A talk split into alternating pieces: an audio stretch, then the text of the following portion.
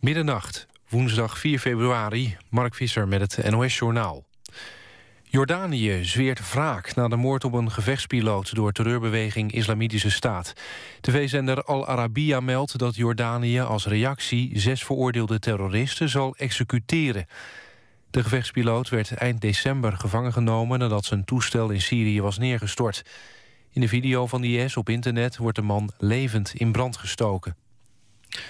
De politie zegt dat met de arrestatie van vier mannen... in de Knokkenstraat in Amsterdam dit weekend... waarschijnlijk een liquidatie of een ander ernstig misdrijf is voorkomen. In de auto die in de wijk Nieuw-Sloten werd klemgereden... tijdens een lopend onderzoek zijn wapens gevonden, ook automatische. De politie onderzoekt of er een verband is met andere liquidaties in Amsterdam. Het abonneebestand van het Franse satirische weekblad Charlie Hebdo... is gegroeid tot meer dan 200.000. Tot aan de terreuraanslag op de redactie in Parijs vorige maand... had het blad naar eigen zeggen met de losse verkoop mee... wekelijks rond de 60.000. Charlie Hebdo verschijnt overigens niet deze niet wekelijks. Het eh, eerstvolgende nummer wordt op 25 februari verwacht. In de Eredivisie heeft PSV de uitwedstrijd tegen NAC met 2-0 gewonnen. Eindhovenaren speelde vrijwel de hele wedstrijd met 10 man. Na 29 seconden al kreeg Willems een rode kaart. Het was de snelste rode kaart in de Eredivisie ooit. Hij kwam met een gestrekt been in op een verdediger van NAC... maar Willems raakte zijn tegenstander niet. En de andere wedstrijd in de Eredivisie tussen Go Ahead Eagles en Excelsior eindigde in 0-0.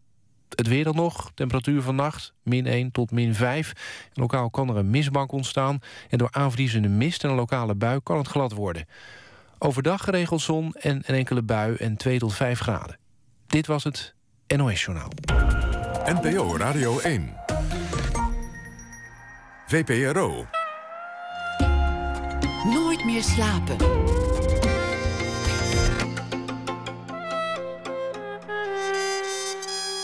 Met Pieter van der Wielen.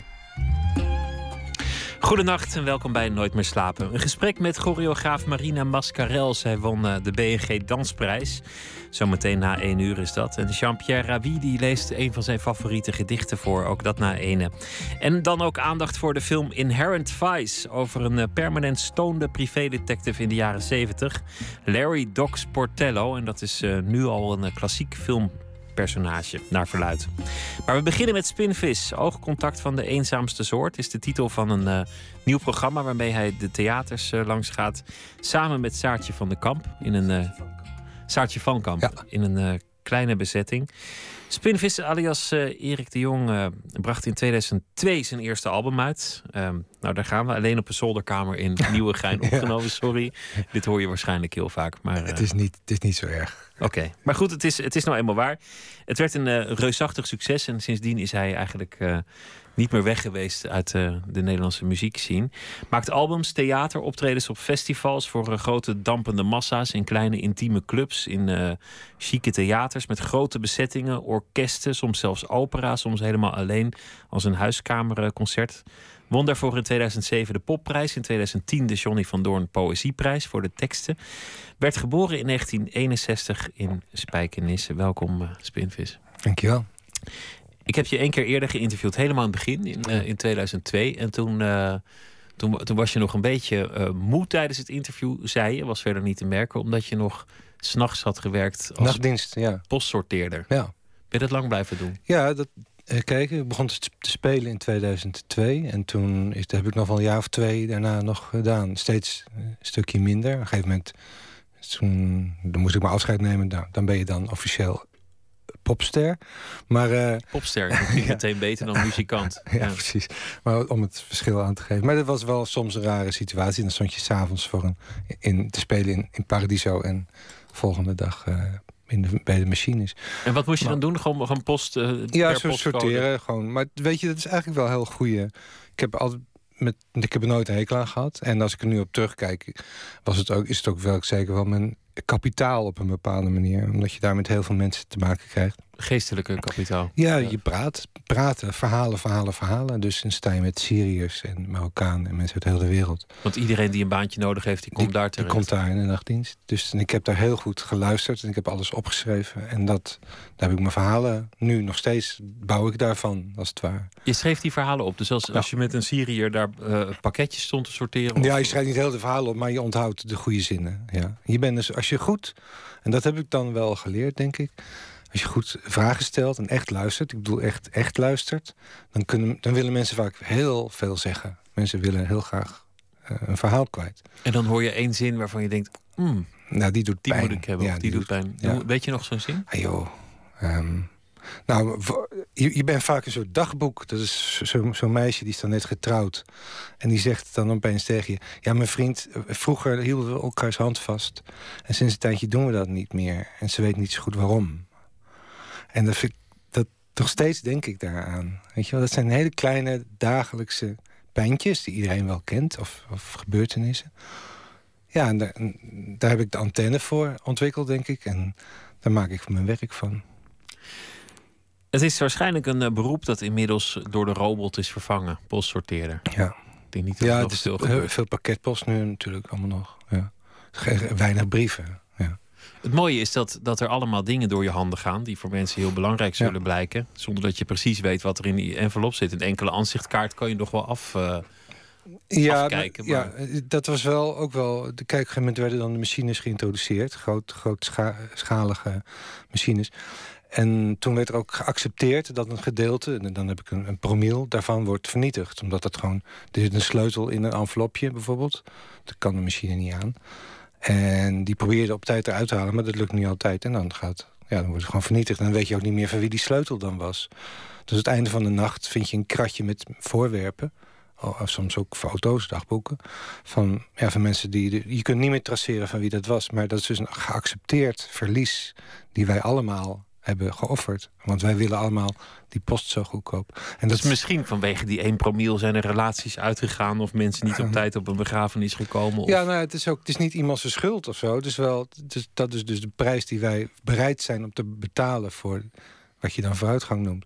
En dat is allemaal heel leerzaam, om dat dan van, van dichtbij te zien. Het is ook, het is ook bijna een, een melancholieke kijk op een, op toch niet heel romantisch beroep. Ja, het is wel een romantisch beroep. Ja? Denk ik, ja. Postsorteerder? Ja. ja, wel beroep. Pff, ik bedoel, ja. Nou ja, ik stel me voor heel lelijk licht en, en veel lawaai en dan ja, maar een beetje romantiek, koud. romantiek is, zit niet in de buitenkant. Hè? Romantiek, dat zit in je. En als ik daar stond met mijn boekje en mijn muziekje en zo... Nou, dan vond, ik vond het wel... Ik was het niet ongelukkig, nee. Je was toen, um, even snel rekenen, 41. Ja. Is, is er dan een moment geweest dat mensen, mensen dachten... Goh, Erik, ja, het is een beetje een dromer. Het is, het is een ontzettend aardige jongen. Hij, hij is vriendelijk daar niet van, maar het, het is nou helemaal geen hoogvlieger. Uh, dat weet ik niet. Dat zo heeft nooit iemand tegen oh ja, om, omdat dat het toch, toch een flink deel van je leven is... en dat je dan daar hebt gestaan en op, op andere plekken... en, en dat, dat eigenlijk dat, dat succes wat jou onderscheidde... en daarmee ook waarmee jouw talent aan het licht kwam voor velen... pas, pas laat duidelijk is geworden. Ja, maar ik deed altijd... Dat, dat lijkt, kijk, als je debuteert, dan lijkt het net alsof je opeens vanuit een andere planeet op aarde neerdaalt. En Voor jou opeens, was dat natuurlijk niet ik zo. Ik deed dit al heel mijn leven. Alleen, ja, ik had er geen, kon er niks mee verdienen. Ik deed met kunstenaars en films en duizend punkbandjes en dit en dat. Ik, dat heb ik altijd gedaan. Eigenlijk doe je nu wat je altijd al hebt ik gedaan. Ik doe nu wat ik altijd al heb gedaan, ja. Alleen, ja, nu ben ik zover dat ik er... Uh, uh, voor, voor betaald krijg, zeg maar. Aan het, begin, aan het begin zaten we allebei een klein beetje te grinniken... want ik begon over die kamer om, om Nieuwe Geheim. En dat is vaak toch het beeld hè, van die jongen. Ineens was hij uh -huh. daar en ineens bleek het ook een soort oerknal van creativiteit. Want wat bleek hij daarna veel verschillende dingen te kunnen? Dat is, dat is eigenlijk dus niet waar. Zo is het niet gegaan. Zo is het niet gegaan, nee. Maar dat is natuurlijk het beeld van wat je wordt gemaakt. Dat kan je niet niks meer aan doen. Dan is het, dat, dat, nou ja, als dat mensen dat een fijn beeld vinden, dan ja, is het nee, maar dat is ook goed. Je, okay. je, je beide ouders waren ook muzikant. Dus in die zin is het ook niet uit de lucht komen vallen. Dus kijk hoor, mijn vader... Uh, nee, de, de, de, vader van mijn moeder... die had na de oorlog in Rotterdam een dansorkestje. Hij speelde uh, contrabas. En de mode was toen om um, Hawaii-muziek te maken. Amerikaanse soldaten namen Hawaii-muziek mee uh, uit Amerika. En dat werd, je had dan George in de Vretes en de Kilama Hawaiians. Dat was een soort mode. In ieder geval, mijn opa had zo'n dansorkestje. En mijn moeder speelde uh, ukulele en, en uh, Hawaii-gitaar. Um, met zo'n bloemenkrans om de nek, weet je wel. In, in van ja. die danstenten. En ze zochten een gitarist. En dat uh, was mijn vader. Dus die hebben elkaar daar ontmoet. Ook via de muziek uh, ontmoet? Ja. Maar je vader is ook een goede gitarist. Mijn vader is wel een goede gitarist, ja. ja. Want je hebt ook met hem, met hem getoerd. Sterker nog, hij heeft ook op een gegeven moment toen de, de, de, de tourbus na, na een oh man, nou. incident uh, verongelukte, uh, heeft hij zijn armen, geloof ik, een flinke wond opgelopen. Ja, dat was, een heel, dat was inderdaad een, een, een, een groot auto-ongeluk. Maar dat was alweer. Toen speelde. Kijk, ik had toen bedacht. Uh, de, de, muziek die ik maak, die maak ik helemaal zelf. Met computers en software. Dat is helemaal technologisch gestuurde muziek. Want dat vind ik nou helemaal mooi. Toen was er de vraag om dat live te gaan uitvoeren. Ik dacht, nou, ik ga niet met computers op podium staan. Want er zijn natuurlijk heel veel acts die dat, die ja, dat, dat gewoon niks, doen. Ook dus goed, maar ik had, ik ja. had een soort concept. En ik dacht, ik ga die muziek geven aan oudere uh, mensen... die dus van een oudere generatie muzikanten... die een hele andere um, taal spreken. En waaronder mijn vader en Han Reiziger en Louis de Bij... een, een wereldberoemde drummer voor de mensen die hem kennen... Mm -hmm. En die had ik mijn muziek gegeven. En dus die, die, heel die bagage van die mannen... dus die, al die 50, 60, 70 jaren bagage... die kwam opeens in mijn muziek terecht. En dat was het, het, het, het experiment, dat was het concept. En zo, dat noemde ik dan de tijdmachine. En zo hebben we een jaar of twee of drie hebben we getoerd. En daar speelde mijn vader dus, dus in, ja. Hoe is dat? Want normaal uh, heb je gewoon in een bandje... En dan een bus. En dan heb je die sfeer van rock roll Van uh, ergens optreden, ja. vijf uur verzamelen. Ja. En dan daar nog die consumptiebonnen opmaken. En dan, en dan terug. En dan een mm -hmm. uh, beetje joelen vol adrenaline. Maar nu zit je met drie heren die ouder zijn dan jezelf. Waarvan, ja. waarvan één je vader is ook nog. Nou, ik was op dat moment ook al niet meer zo heel geïnteresseerd in de rock'n'roll, eerlijk gezegd. Want dat had ik dus al helemaal even gedaan. Ik, uh, dat vanaf, kende je nou wel? Ik speelde op mijn veertiende of mijn vijftiende in mijn eerste punkband en ik heb dat altijd gedaan. Dus toen ik 41 was, toen dacht ik... nou, misschien is er wel meer in de muziek dan alleen maar... Um, bloedende nagels en hard spelen. En dus dat, dat, um, daar zat ik niet meer zo heel erg op te wachten. Ik was meer ge geïnteresseerd en uh, nieuwsgierig naar het resultaat van die, die muziek die we gingen maken. Maar je band met je vader was al zo hecht dat het, dat het niet meer bijzonder was om avonden aan één in een bus te zitten. Ja, en natuurlijk. In de dat was, was geweldig. Dat was een wonder. Maar dat is iets van vader en zoon. Weet je wel, dat is echt een... Ja, dat, nog steeds is dat een wonder geweest. En dat het kon. En dat we dat allemaal samen hebben meegemaakt. Een, een bijzonder moment, ja. al met al, uh, ja. was dat. Um, je hebt een liedje gemaakt aan de oevers van de tijd. De, de, dat is een heel sferisch liedje met een videoclip. Dat zijn allemaal oude beelden van een gezin op vakantie. Van, van eigenlijk kiekjes van, van herinneringen van een, van een gezin. Mm -hmm. Een beetje de, de sfeer van, nou ja, ik denk de, de jaren zeventig. En, en hoe dat was in een gezin. Het is een vrij abstract liedje. En ik, ik ben bijna bang om het kapot te maken door het, door het helemaal te duiden. Maar is dat ook de sfeer waarin je zelf bent opgegroeid? Ik, ik ben, bedoel je, in de, ja, ik ben uit 61 toen opgegroeid in de 70 jaar. Maar ik probeerde voor te. Kijk, dat aan de oevers van tijd gaat over tijd. En niet zozeer over de 70 jaar. Het gaat over dat wat achter je ligt. Mhm. Mm -hmm. En het gaat vooral over herinneringen. Dat vind ik een, nog steeds een wonderbaarlijk uh, fenomeen. Hoe herinneringen werken. En hoe je jezelf ziet in het licht van die herinneringen. Want je, ja, je bent opgebouwd uit herinneringen. Hè? Die maken ook jouw identiteit. Die maken jouw identiteit. En toen, maar heel veel herinneringen heb je eigenlijk later steeds meer aangepast. Of steeds meer veranderd. Of misschien zelfs verzonnen. Of misschien zijn het iemand anders zijn herinneringen... die je heel langzaam voor jezelf hebt gemaakt. Je kunt dat geheugen helemaal niet vertrouwen. Je kunt het geheugen niet vertrouwen. En dat is ook niet erg, maar je maakt dus die herinneringen elke keer opnieuw. Dus je maakt die zelf, als het ware, de hele tijd opnieuw. En daar gaat het, dat liedje eigenlijk over. Maar de, de, de filmpjes die, die geven toch een bepaald soort sfeer. Ja, natuurlijk. En, ja. en, ja. Ja. Nou ja, laat ik, het, laat ik het gewoon een open vraag maken. Hoe was het, wat was het voor gezin? Wat, in wat voor uh, omgeving ben je opgegroeid? Oh, um, nou ja, mijn vader, dus ik had net al iets van, van gezegd. Uh, uh, Hawaii-shirtjes, ukuleles Beide ouders en heel, heel politiek actief. Mijn vader was de penningmeester van de PSP. Dus er werd bij ons heel veel vergaderd. Uh, mannen met baarden en vrouwen met lange, lange rokken en lange haren en zo. En alles Voor een betere samenleving. Betere samenleving. En alles rook naar patchouli. En, uh, en uh, ja, dat was, dat was heel, heel goed. Het waren allemaal lieve mensen, maar ook heel naïef op een bepaalde manier. En ik heb dus meegemaakt, en steeds bewuster meegemaakt... dat, hoe, dat de realiteitszin, zou ik maar zeggen, bij mijn ouders ook... steeds ja, steeds meer uh, naar, naar binnen kwam. Mijn vader was, was, was best wel heel positief over Rusland bijvoorbeeld. Over de Sovjet-Unie. Dat was toch wel, ja, dat was toch iets. Maar ja, dat hou je niet lang staande natuurlijk. Als je je oog open houdt en de kranten echt leest. En dat deed hij ook. En zo langzaam zie je zo dat, dat ook die generatie, waar zij vandaan kwamen... Um, vol idealen, langzaam ja, ook op aarde neerdaalde. En wat dat heel heeft erg iets droevigs ook wel, vind ik. Wat heel erg ook die tijd was. Ja. ja. Terwijl, het, terwijl het wel een heel vrolijke tijd was. Het is een heel vrolijk, en dat is, is het ook wel geweest. Maar dat is, als je me vraagt wat is dan gebeurd... dan is dat zo in die tijd gebeurd, ja.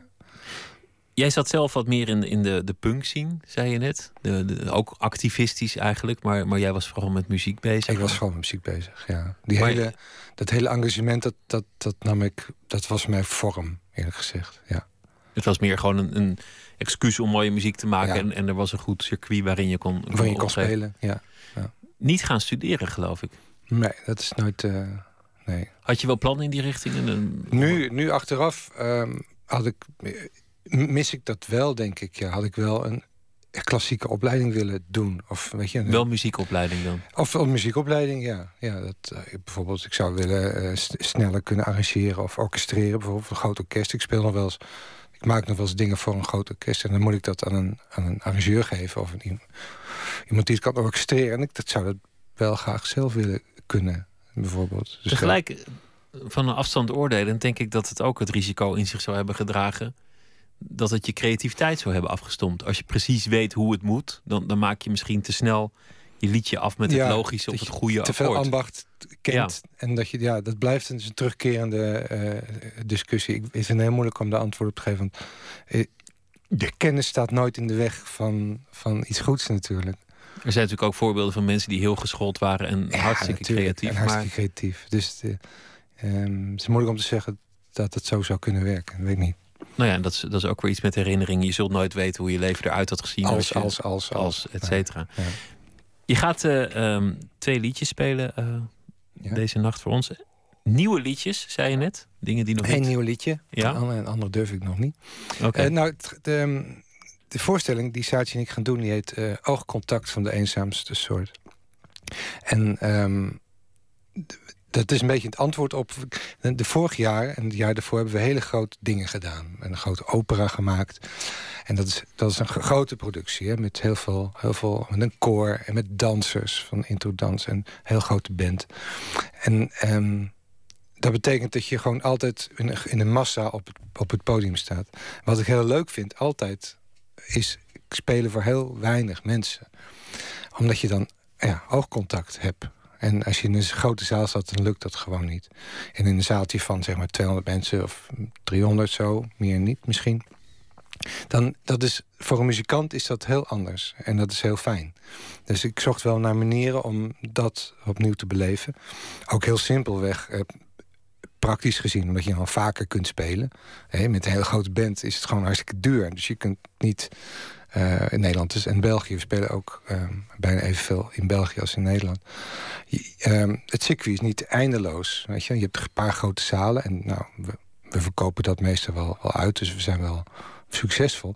Maar um, dat zijn dan zeg maar twintig zalen. Zo, hè? Die Paradiso en Tivoli. En, mm, maar ik wil graag heel graag heel veel spelen. Dus dan, dan wil je gaan naar kleine zaaltjes toe. En dan ben je kleine zaaltjes in, in uh, Nijdrop en uh, ja, waar je ook terecht komt. Nee, noem ze maar op. Er zijn er veel. Ja. Die hebben niet, niet zo heel veel geld om zo'n grote kist neer te zetten natuurlijk. Maar die hebben wel precies dat budget om dit neer te zetten. Dus, dus echt gaan nadenken over wat kan ik nou doen voor dit, voor precies voor deze, dit doeleinde. Een beetje economisch zou zeggen, je bent een dief van je eigen portemonnee. Want het is, het is minder spelen Of meer spelen voor minder honorarium. Nee, het honorarium, eh, honorarium is bijna hetzelfde. Dat scheelt niet zoveel. Maar ik, ja, we staan er gewoon nu niet Maar het is voor jou ook gewoon de pret van, van het spelen. En, En, het van zoeken en het nieuwsgierig contact. zijn. En het Ja. nieuwe liedjes proberen. En, en, en eens kijken wat gebeurt er als je, als je... Want wat we nu gaan doen... is namelijk, we hebben altijd... ehm, wat er nu nieuw is, dat we zelf... Het gaat over aanwezig zijn of afwezig zijn. Je bent er. Je, wat blijft en wat gaat. Wat zie je en wat zie je niet. Wat is donker en wat is licht. Dus op het podium maken we het licht zelf. Op het podium is het allemaal fotolampen en studiolampen en schijnwerpers en kleine lampjes. En die bedienen we allemaal zelf op het podium. Dus we zetten elkaar in het licht of we benemen elkaar het licht. Of we zetten het publiek in het licht. Dus wat zie je, wat laat je zien en wat laat je niet zien. En dat doe je zelf op het podium. En dat is een heel eenvoudige en theatrale manier om, o- o- om het theater te maken... zonder dat je dan echt een verhaal hoeft te vertellen. Maar het is wel theater. De titel, dat, dat is eigenlijk al meteen poëzie. Oogcontact van de eenzaamste soort. Want eenzaamheid en oogcontact zijn tegengestelde Ja. beginselen. Maar toch zijn natuurlijk allerlei situaties denkbaar waarin oogcontact heel eenzaam Heel eenzaam eh, kan zijn, ja. ja. Ja, mooi, mooie zin. Dank je wel. Eh, ja, wat, ehm, het, het is juist als je in dat oogcontact, inderdaad, het woord zegt al, als je elkaar alleen aankijkt zonder contact, is dat er niet. Maar ehm, als je dan elkaars eenzaamheid herkent, is dat misschien wel de meest eh, krachtige vorm van, van contact. Want, ja, Late cafés en, eh, en, en nachttreinen en, eh, of, mannen in de file ja. die, die toevallig elkaar aankijken. Zo'n tiende van een seconde is dat, hè? Ik wil je vragen om eh, eh, je gitaar te pakken en eh, Ja. het, het liedje te, te spelen. Wa- Wat is de titel van, de, van dit nummer? Wat blijft? Wat blijft?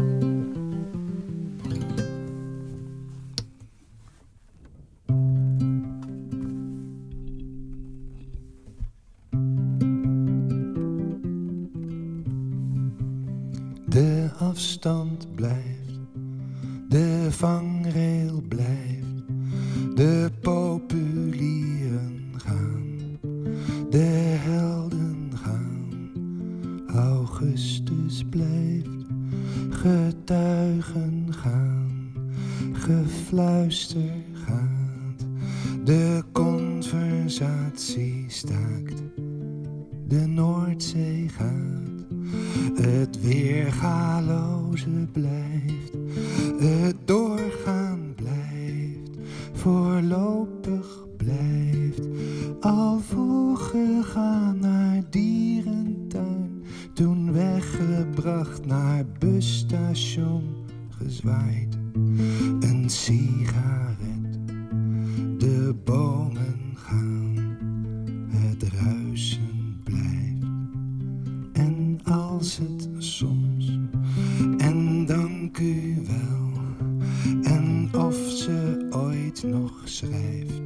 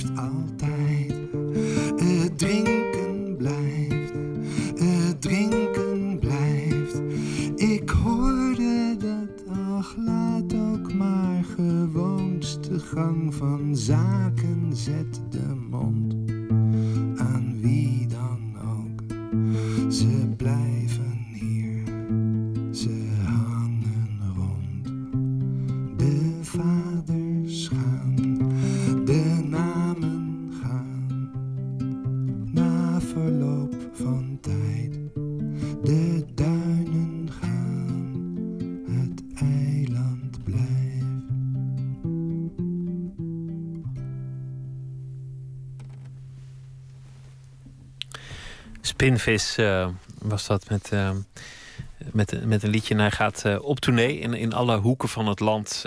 zal hij zo'n beetje te zien zijn. Ja, gaan heel veel spelen. Ja. heel Dus- veel spelen. Dus, ja. dus, en ook op veel plekken zijn gewoon nog kaarten te krijgen. Ja, ja. wie, je hebt net voor pas begonnen. Ja. Je, je onderwijst ook ehm, eh, aan de TU Delft. Ja. Dan, dan geef je eigenlijk les in het proces. Wat ik daar interessant aan vind, is, is dat, je, dat je ook heel erg nadenkt over, over wat is creativiteit, hoe, hoe werkt het maken van een liedje. Heel veel artiesten die je spreekt, die zeggen van ja, het komt gewoon en, en ineens is het er en dan Ja, dat, dat doe ik het. het gewoon. Dat is het ook. Maar je kunt, het is heel moeilijk om daar meer over te zeggen dan dat. ja. Maar, maar ehm, eh, je kunt wel gaan ontdekken waar, en dat was dan specifiek voor de TU. In hoeverre is dat, is dat niet geldig voor iedereen zijn werk? En zeker voor, voor het werk van een wetenschapper, van een beta, die dan zogenaamd niet creatief zou zijn, of zogenaamd niet artistiek, of niet artistieke middelen zou gebruiken. En dat zijn we gaan eh, onderzoeken. En dan eh, was het al snel evident dat je heel veel overeenkomsten hebt en dat ook het wetenschappelijk bedrijf eh, be- ehm, eh, ehm, eh, gebruik maakt van, van toeval en intuïtie. En, en, en oh, het voelt goed of het voelt niet goed. Weet je, dat is niet, dat is niet het alleen domein van kunstenaars. Maar dat doet de bakker ook, dat doet iedereen. En dat is. ehm, Maar je kunt het wel een beetje afdingen. Het eerste is dat het volgens mij niet komt als je er niet mee bezig bent. Dat, dat je moet Ja, wel in een soort ja. proces zitten of actief zijn om dat toeval te kunnen ontmoeten. ja, en om, om je antenne daarvoor open te, te zetten. Ja. Wanneer weet je dat het goed is? Want je, want je zei dat je bij het postsorteerbedrijf stond en dan een, een zin hoorde en meteen dacht: die ga ik niet meer vergeten. Ja. Dit is zo'n zin. Ja, dat, ja, dat weet ik niet hoor. En, en wanneer weet je dat, je dat je liedje goed is, dat je tekst goed is, dat, dat het. Dat je Als er een geheim in zit, als er een geheim in zit, zoals dat liedje net. Weet je, ik begon te denken van eh, gewoon heel simpel. Wat gaat en wat blijft? Wat gaat, wat blijft? Nou, dan ga je. Nou, dat was net in, in Parijs gebeurd. Mhm. En ehm, toen had, het was eigenlijk best een zwaar lied eerst met getuigen en eh, wat was het ook weer? Ehm, de nabestaanden en de getuigen en de. de het was echt duidelijk, het was iets heel ergs gebeurd. En toen alsof je eh, een foto maakt van de plaats van delict. En je, en je maakt morgen weer een foto. En dan kijk je wat er is gebleven en wat er is gegaan. Je hebt, ja, je hebt veel, het zie je wel eens vaker van die foto's van hoe het vroeger was en hoe, hoe dat Ja. dan nu is. Stel je voor, je maakt een foto van, van die straat in Parijs waar dit is gebeurd. Wat is gegaan? Nou, zoiets had, stond me in eerste instantie voor ogen om zo'n liedje te maken. Maar toen ik dat eenmaal had gemaakt, toen dacht ik, ja, dat is een soort politiek ding geworden. En dat is misschien nu wel, wel relevant, maar over tien jaar niet meer. En protestliedjes van vroeger, dat kunnen wel heel goede liedjes zijn, maar die zeggen me, het protest wat erin zit, zegt me niks meer. En ik wil dan toch iets maken wat, ja, wat ook mensen later misschien nog kunnen denken van, nou, er zit iets in waar ik, waar ik ook iets aan heb. Toch is dat interessant dat de actualiteit zo letterlijk aanvankelijk je, je liedjes inkruipt. Daar ben ik heel erg nu eh, aan het. over- Ik ben nu dus nieuwe platen maken, nieuwe liedjes aan het maken. En dan, ja, dan dringt zich dat wel, wel aan. Dat, dat, want er is ook wel nu een vraag, die is al heel lang aan de gang. Hè, aan de, de, het verzoek of de, de vraag aan, aan kunstenaars of mensen die zich in het, eh, in, eh, op, op podium staan om zich, om zich op een of andere manier ge- geëngageerd op te stellen. Of zich in ieder geval een uitspraak te doen over maatschappelijk relevante dingen. Nou, ik ben een kunstenaar, ik maak poëzie, zou ik maar zeggen. En ik vind het heel moeilijk omdat dan. Ik wil, ik wil daar, ik wil dat wel, maar ik vind geëngageerde kunst altijd zo lelijk. Het is vaak saai ook Het is gewoon. heel saai en lelijk. En iemand gaat mij vertellen wat ik ervan moet vinden. En dat ontneemt dan wat juist dat ik, wat ik mooi vind aan, aan muziek of aan kunst of wat dan ook, wordt juist weggenomen in plaats van dat het wordt toegevoegd. En toch wil je het, want toch, Nou ja, toch Ik voel me een soort verplicht. Ik voel me een soort. iemand doet een beroep op mij, weet je wel, om geëngageerd dingen te maken. En Maar waarom voel je je verplicht? Want het is niet alleen dat iemand een beroep op je doet. Want je zou kunnen zeggen, ach joh, eh, nou, misschien is dat dan wel de achtergrond van mijn, van mijn ouders, die, die dat, Ja. eh, dat. Die zeggen dat niet, maar misschien voel je dat. dat je of, dat het, of het houdt je bezig in Het houdt me bezig. En ja, ik kan dan. eh, wat zou ik vroeger hebben gedaan? Misschien samples van, van moskeeën en varkens door elkaar hebben. En dan zal het vast wel heel, heel geëngageerd zijn. Of, eh, maar het is gewoon lelijk.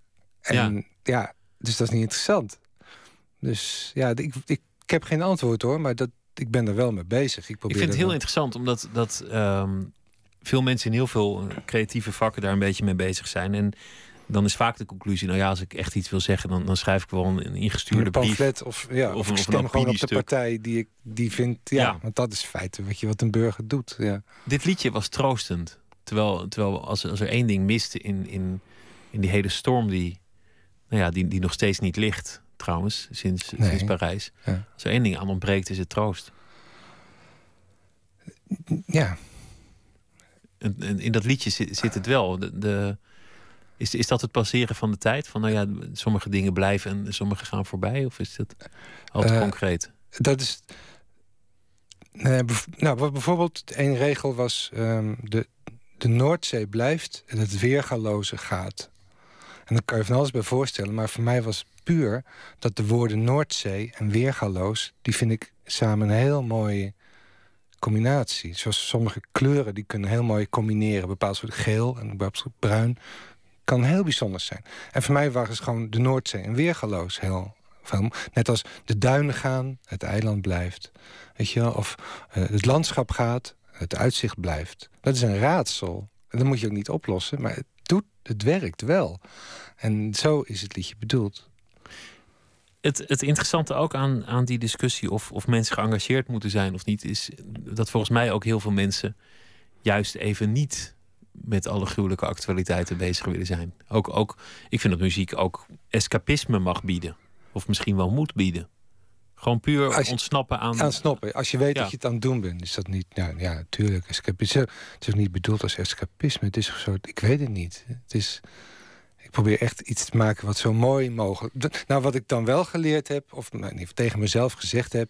van na, na, na, wat er allemaal gebeurt in de wereld... van Erik, je bent heel machteloos en al, alles wat je leest en hoort is waarschijnlijk het product van, van uh, andere agenda's die je niet kent. En propaganda en alles is gelogen. Maar ik heb wel controle over mijn gitaar en mijn, en mijn pen en mijn stem. Dus laat ik dan in godsnaam zo goed mogelijk doen wat ik doe. Dat is dan mijn opdracht. Dat is mijn engagement. Dat is ook wat je te bieden hebt. Dat is wat ik te bieden heb. Want je, want je zou een, uh, volgens mij niet een hele goede strijder zijn, bijvoorbeeld. Nee, of, echt niet. Of, mij heb je helemaal niks. Of een bestuurskundige of, of wat dan ook. Je moet doen waar je goed, goed in bent uiteindelijk. Hoe, hoe begint zo'n liedje? Dat, uh, nou, zoals, vaak met een melodie hoor. Dit ook begon met een melodie met hummen. Hummen, hummen, hummen. Totdat je een waar, waar ben je dan als het hummen begint? Overal. Maakt niet uit. Overal. Op de, onder de douche is heel goed. En ja? op de fiets is heel goed. En dan ontstaat er een... een, een de, wat, wat, wat me hier aan beviel is dat de maatsoort heel tijd verspringt. het is soms een drie en dan een vier. En dan is een woord weer één lettergreep lang. Dan heb je weer een tel erbij.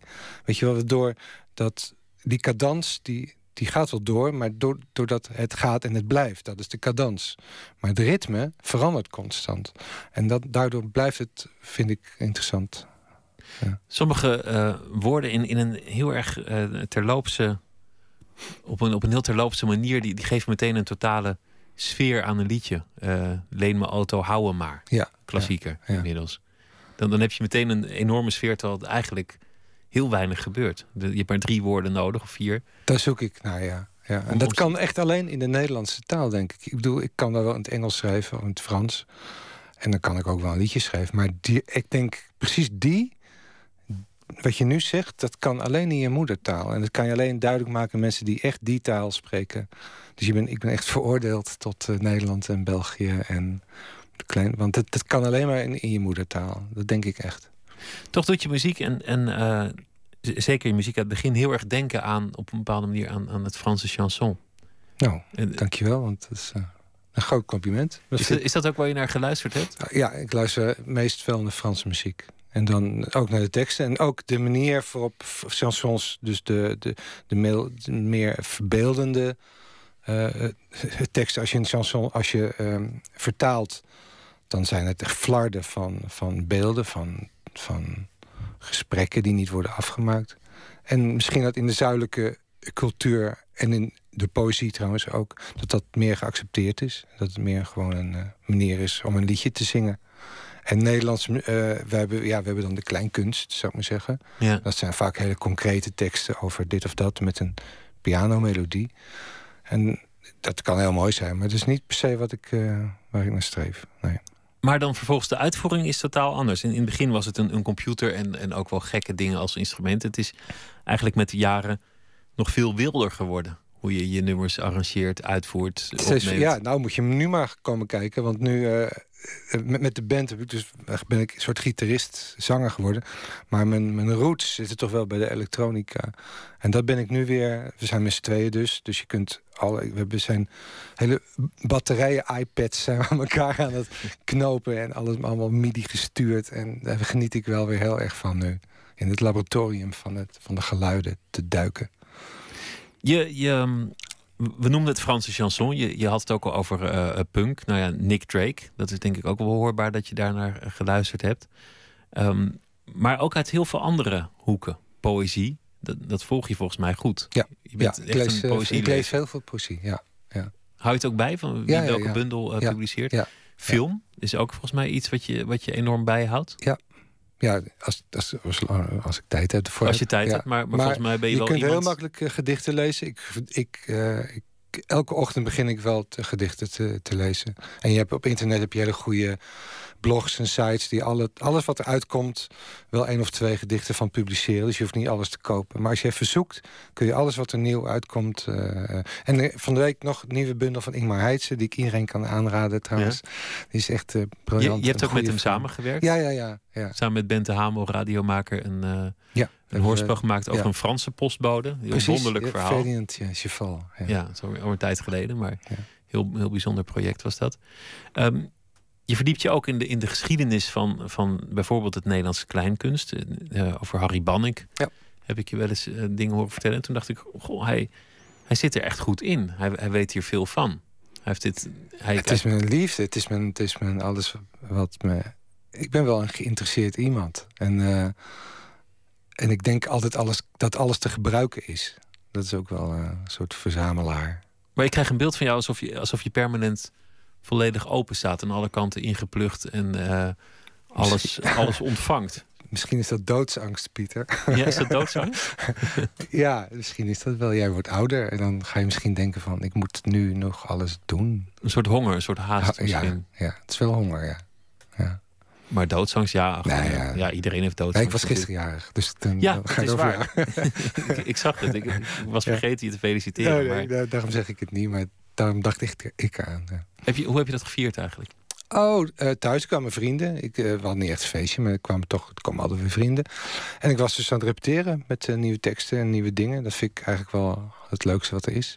En s s'avonds kwamen de jongens en toen hadden we gin gedronken. En was het weer gezellig. Dat was gewoon weer... want, want jouw leven is, is volgens mij ook wel flink veranderd. Omdat je, je bent best wel druk, krijg ik de indruk. Ja. ja, maar dat gaat automatisch hoor. Als je het allemaal leuk vindt wat je doet en je lichaam is oké, dan uh, gaat het allemaal vanzelf. Ja. De, de energie die blijft nog komen. Er is op geen enkel moment een, sleur ingekomen. Nee, nee, dat moet je dan wel even uitkijken. Dat je niet opnieuw je eigen fabriek maakt. Maar daarom, dat doen we nu dus ook. En je kunt ook met de band gewoon weer plaat maken, toeren, plaat maken, toeren. Maar dan heb je in feite je eigen fabriekje weer gemaakt. Dus dan moet je wel weer uitzien te komen. Dus, dus vandaar al de experimenten en vreemde dingen. Om het voor jezelf spannend te houden. om, eigenlijk... om moeilijke dingen te doen. Moeilijke dingen doen is het leukste wat er is eigenlijk. Iets wat je niet echt durft. Jezelf onder druk zetten. Ja, jezelf onder druk zetten. Ja. Ben je wel eens nerveus dat je denkt... oeh, dit keer ga ik echt ver. Als je, als je een opera doet, ik noem maar wat. Uh, um, als, het lukt, eigenlijk lukt nooit wat je voor, voor ogen had. Eigenlijk is een, een constant mislukken wat je doet. En dat is alleen maar omdat jij als enige weet wat het had moeten worden. Maar mensen die er naar kijken, of die het horen... die weten niet wat het had moeten worden. Die weten alleen maar wat het is geworden. En jij zelf als maker bent vaak niet in staat zo snel... om dat op, op, op een nieuwe manier te zien. Het duurt vaak jaren en dan pas zie ik wat ik heb wat ik heb gemaakt... in plaats van dat het mislukt is omdat het niet is geworden wat ik had willen maken. Dus je, um, je kunt perfectionistisch zijn, maar het nadeel daarvan is... dat je een soort blind blijft voor wat het is geworden... in plaats van dat, wat het had moeten zijn. In de wetenschap hebben ze het altijd over serendipiteit, de, de ongezochte vondst. Dit is een soort realistische serendipiteit. Met andere woorden, je zoekt iets, je vindt iets heel anders. wat ja. en helemaal niet is wat je zocht, maar je, je, moet maar herkennen hoe mooi ook dat is. Je moet daar maar vertrouwen in hebben, ja. Want, In, in uh, je vorige programma ging het over een, een Japans gezegde over een porseleinen vaas die kapot was gevallen. En... Kintsukroi, ja. Dat is de opera Kintsukroi. Had ik ook met Saatje gemaakt trouwens. Ja. En um, dat is inderdaad een Japans begrip. Als je een een porseleinen schaaltje uh, per ongeluk kapot laat vallen... dan wordt het gerepareerd in een Japanse traditie... zodanig dat de breuklijnen die worden van goud gemaakt. Zodat het object wordt mooier omdat het gebroken is. En dat is natuurlijk een heel mooie uh, filosofie, dus een heel mooi idee. En dat, dat idee van dat iets wat kapot is... maar de breuklijnen worden juist daardoor wordt het mooier... hadden we uh, geprojecteerd op het leven van een seismoloog. Een man die alles weet van de breuklijnen van de aarde. En hij, in, in, in de tsunami in Japan uh, verdwijnt de liefde van zijn leven in de golven. Maar hij weigert te aanvaarden dat zij weg is. Want hij kan haar hartslag lezen in zijn apparatuur. Hij leest de hartslag van de aarde in zijn seismologische apparatuur. En um, hij, kan, hij ziet haar hart kloppen, want hij kent dat patroon als geen ander. Dus ze is niet weg, ze is niet dood. En op dat moment, dat is een soort idee fix, is een soort fantasie natuurlijk. En dan wordt hij ouder en hij vertelt het terug. Um, en dan, zo hebben we dat verhaal in elkaar gezet. En dat was, uh, hebben we ja, heel veel gespeeld en dat was heel tof. Het is ook een, een, mooie beeldspraak voor nou ja, wat jij zegt over de creativiteit. Dat, dat die barsten, hè, wat, dat het niet is geworden wat je wilde, maken het juist mooi. Maar je zou het ook kunnen zien voor voor iemands levensloop, waarin alle tegenslagen juist wel sieren? Uh, het is een luxe om dat zomaar te kunnen zeggen. Want sommige mensen krijgen wel heel veel voor hun kiezen. Weet je wel. Die, dat is wel echt, die worden ziek en dan dit en weer. En hebben ze dat weer en hebben dat weer. En ik, oh man. Zo, ja, dat is wel, de, het is, de wereld is niet eerlijk, weet je wel. Nee, en het leven ook niet. En het leven is ook nee. Sommige mensen krijgen wel heel veel. En dan kan je wel zeggen, ja, dat is allemaal mooi. Je hebt breuk zo. Maar ik, durf dat, ik zou dat niet durven zeggen. Voor, nee, maar toch, toch heb ik wel bewondering voor mensen die die ergens sterker uit weten ja, te komen. Nou, zeker. Ja. En dan denk ik, goh, dat, dat ligt ook een beetje aan, aan het karakter. Moet je ook maar hebben. Dat moet je ook maar hebben, ja. Ja, dat is waar. Je gaat um, nog een liedje uh, ja, dat, zingen. dat ging dus... Um, zou ik iets over zeggen? Dat, ja. dat, net zei het al, dat heet Ik wil alleen maar zwemmen. Dat gaat dus inderdaad ook over zo'n man. Zo'n e- escapisme. Die, die, dat was ook helemaal geschreven in die tijd. Um, hij loopt in de stad, hij wil, hij wil niks mee te maken hebben. Maar die, in die stad. Er zijn dingen aan de hand. Er zijn bommen en er is gevaar. En er zijn, maar hij, wil, hij duwt het weg. En dat, dat was een mooi thema, vond ik. Dus dat ga ik... Ja, ga je gang.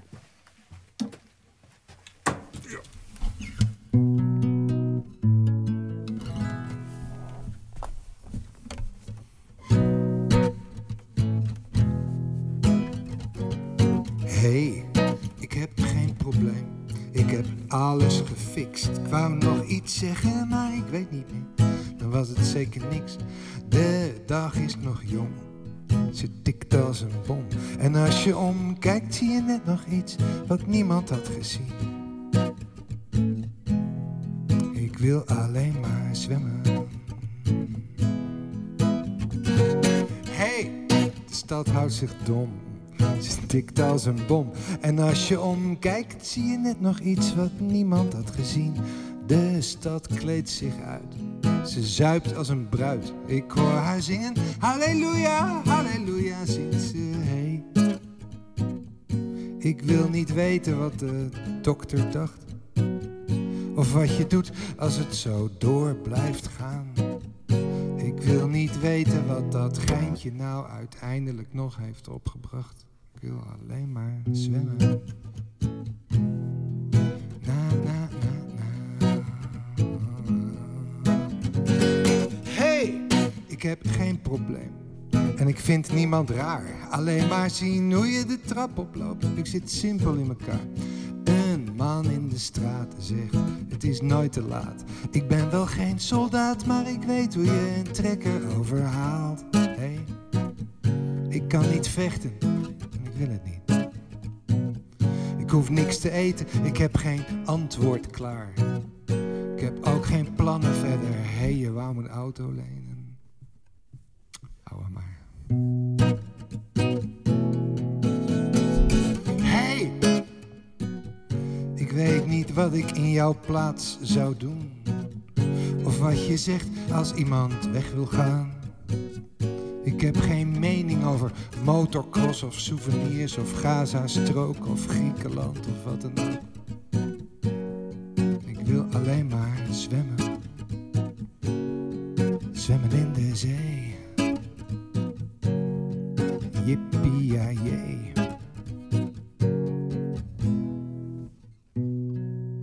De stad staat in brand. En ik hoor het. Ik tel de echo's in het trappenhuis.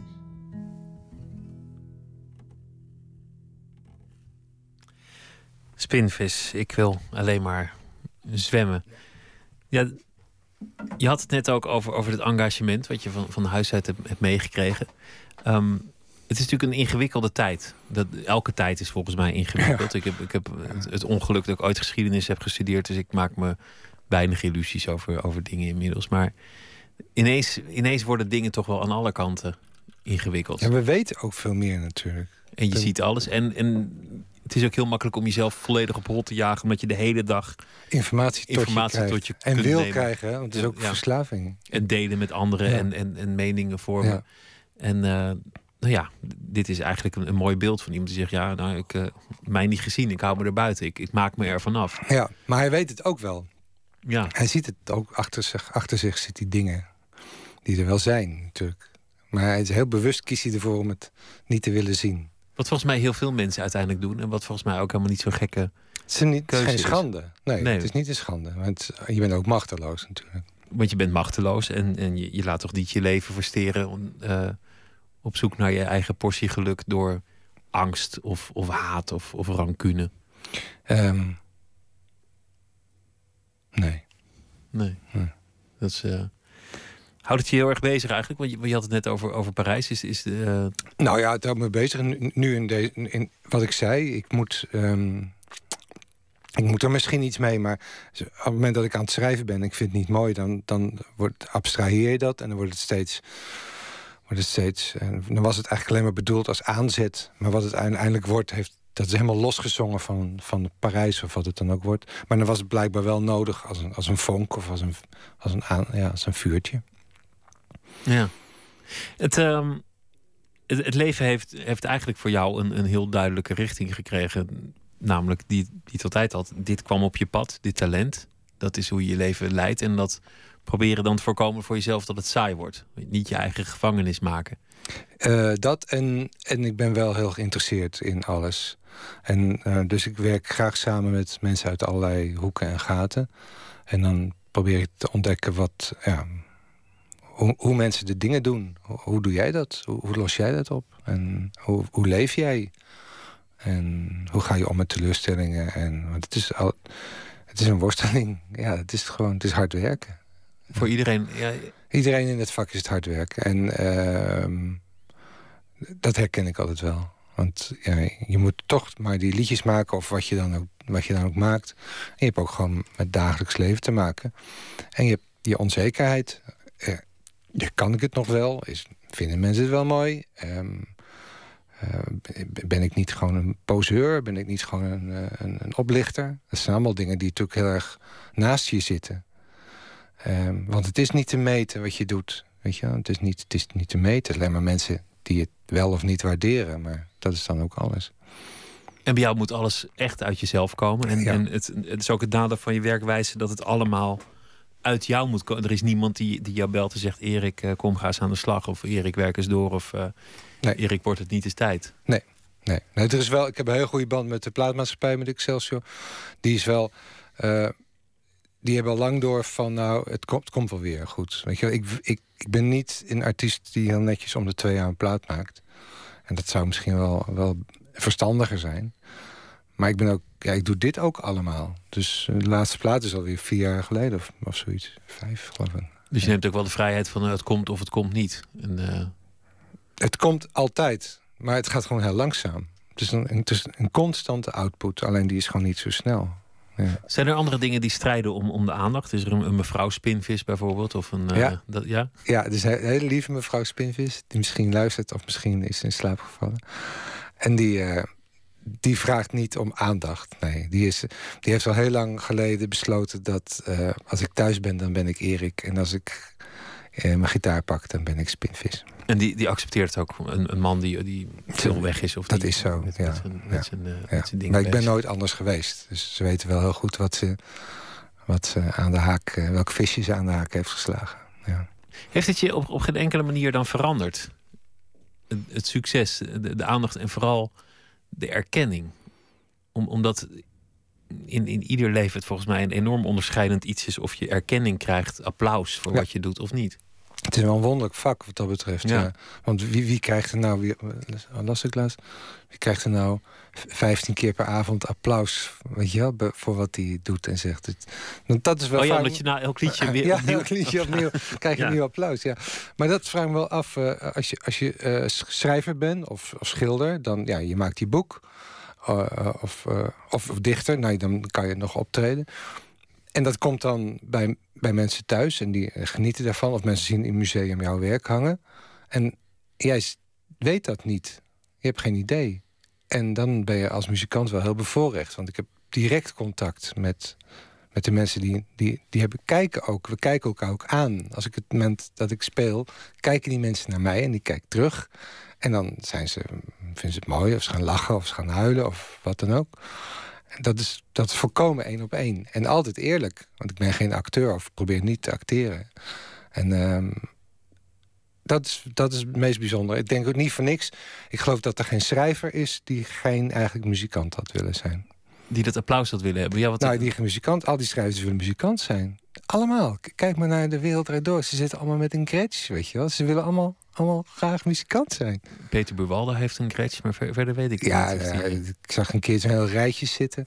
allemaal, allemaal, allemaal- gefrustreerde Nou, muzikanten. nee, niet gefrustreerd, maar wel de... Ik kan me dat wel voorstellen, want een, een, een, een schrijver zit maar alleen te werken en krijgt pas enige respons als het al- kan ook. Je kan moeilijk iets uitproberen. een- ja, je krijgt een prijs of je mag bij een, bij een programma zitten. Of, eh, ja.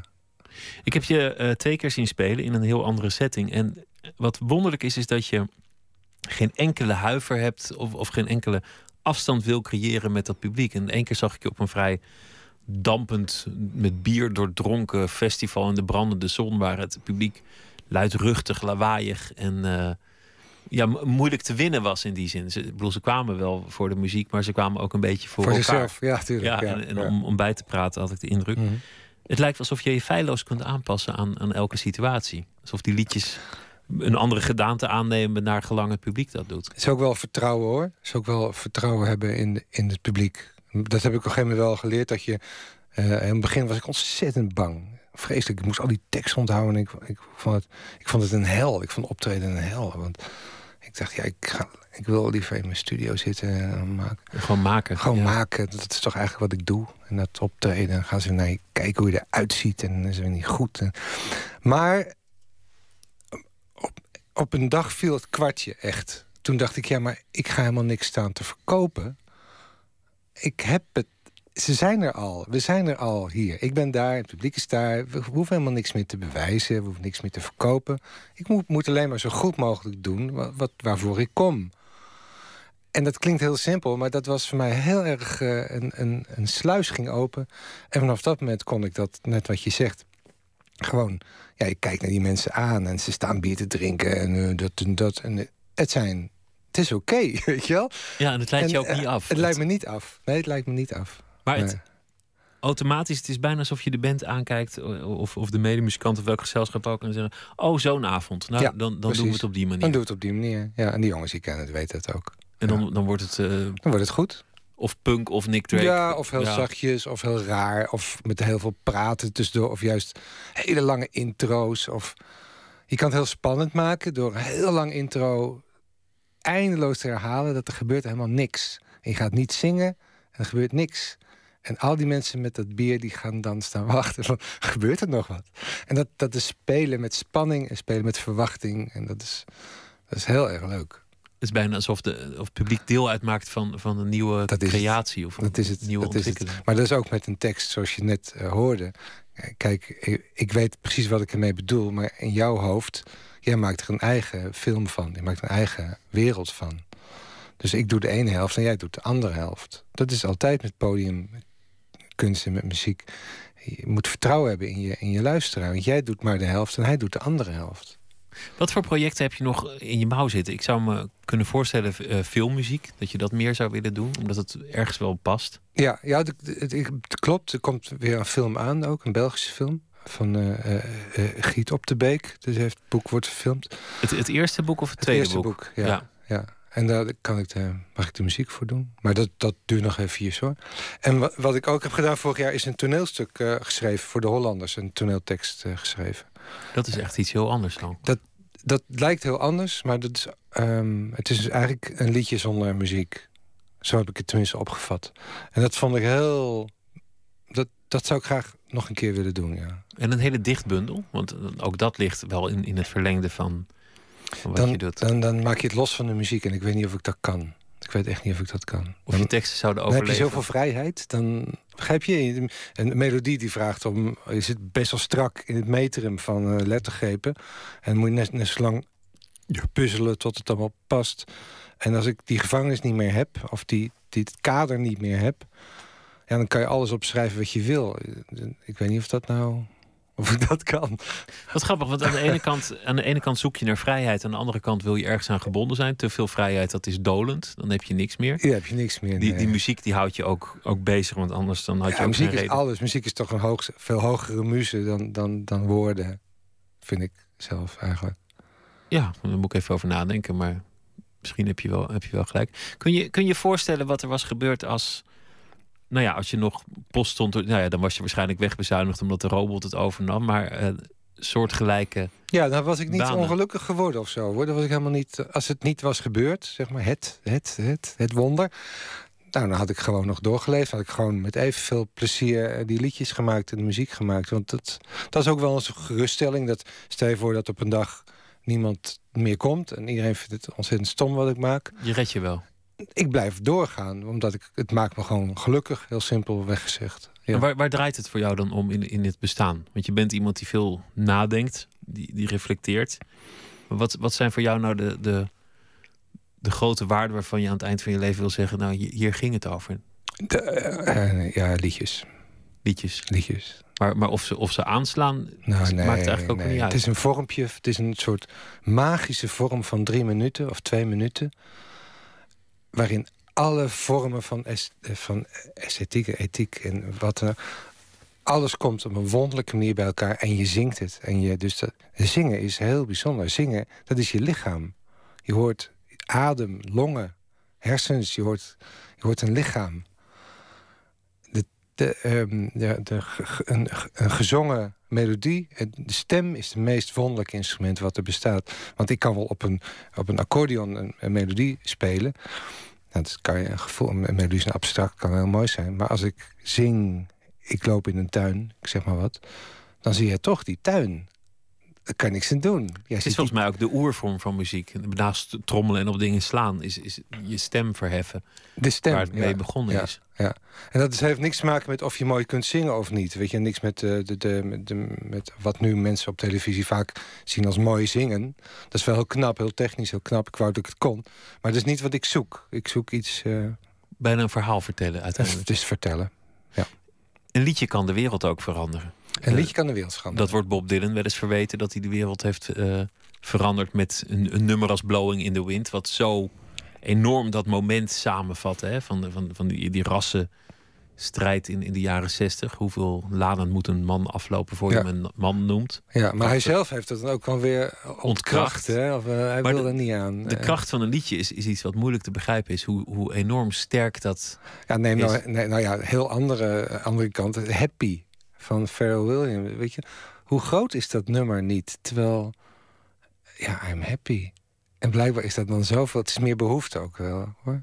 Dat Aan, aan een liedje. aan een behoefte aan zo'n liedje. Ja, eh, en ik ja. zag weer in de, in de serie van Thomas Erdbrink dat mensen vervolgd waren in Iran voor het zingen van dat liedje Happy. Omdat het een bedreiging werd eh, is dat zo? geacht door, door het regime Wow. daar. Zo sterk kan een liedje zijn, toch? Jezus. Het was leuk dat je eh, te gast was en ik, ik wens je heel veel succes en vooral ook heel veel plezier met, Zeker, met de, zeker. de tournee. Dankjewel. Spinvis, dank je wel. En tot ziens. Zometeen eh, in Nooit meer slapen gaan we het hebben over eh, dans. We gaan het hebben over poëzie. We gaan het hebben over eh, film en over literatuur. Twitter, VPRO-NMS. En via de mail nooitmeerslapen.vpro.nl. Jan van Mersbergen is schrijver. Zometeen gaat hij een verhaal voordragen dat hij heeft geschreven over de afgelopen dag. Dat doet hij deze week elke dag. Hij heeft meerdere romans geschreven. Zo begint het. De laatste ontsnapping naar de overkant van de nacht. En hij maakt ook filmscenario's. dus dat allemaal zometeen in Nooit meer slapen.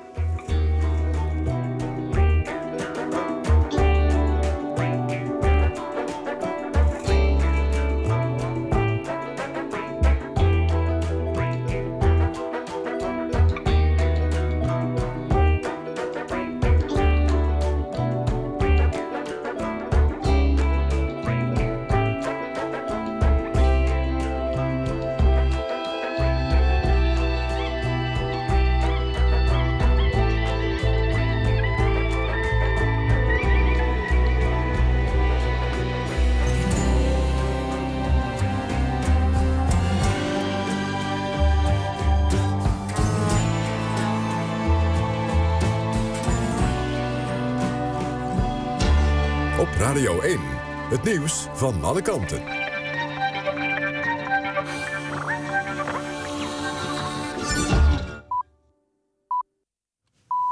1 uur, Mark Visser met het NOS-journaal. Jordanië zweert wraak na de moord op een gevechtspiloot... door terreurbeweging Islamitische Staat. TV-zender Al Arabiya meldt dat Jordanië als reactie... zes veroordeelde terroristen zal executeren. Mogelijk gebeurt dat binnen enkele uren.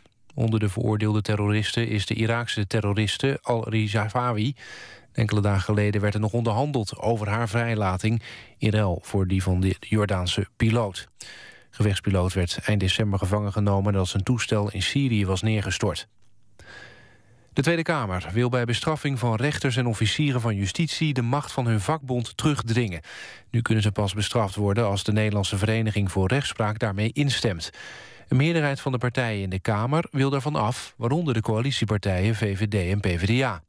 Zij vinden een adviserende rol voor de vereniging wel voldoende. Die reageert op zijn website fel en zegt dat het instemmingsrecht van de vakbond... onafhankelijke rechters en officieren beschermt tegen de willekeur van de politiek. In de Eredivisie heeft PSV in Breda met 2-0 gewonnen van NAC. Eindhovenaren speelde vrijwel de hele wedstrijd met 10 man. Na 29 seconden kreeg Willems een rode kaart. Het was de snelste rode kaart in de Eredivisie ooit. Hij kwam met een gestrekt been in op een verdediger van NAC... maar Willems raakte zijn tegenstander niet. Scheidsrechter Blom zei na het zien van de beelden... dat de rode kaart onterecht was. Andere wedstrijd in de Eredivisie tussen Go Ahead Eagles en Excelsior eindigde in 0-0. Tot besluit het weer. Vannacht vriest het vrijwel overal. En vanwege aanvriezende mist en een lokale winterse bui kan het ook glad worden. Overdag schijnt de zon geregeld en slechts op een enkele plek valt er dan nog een bui. Het wordt 2 graden in het oosten tot 5 aan zee. Dit was het NOS Journaal. NPO Radio 1. VPRO. Nooit meer slapen.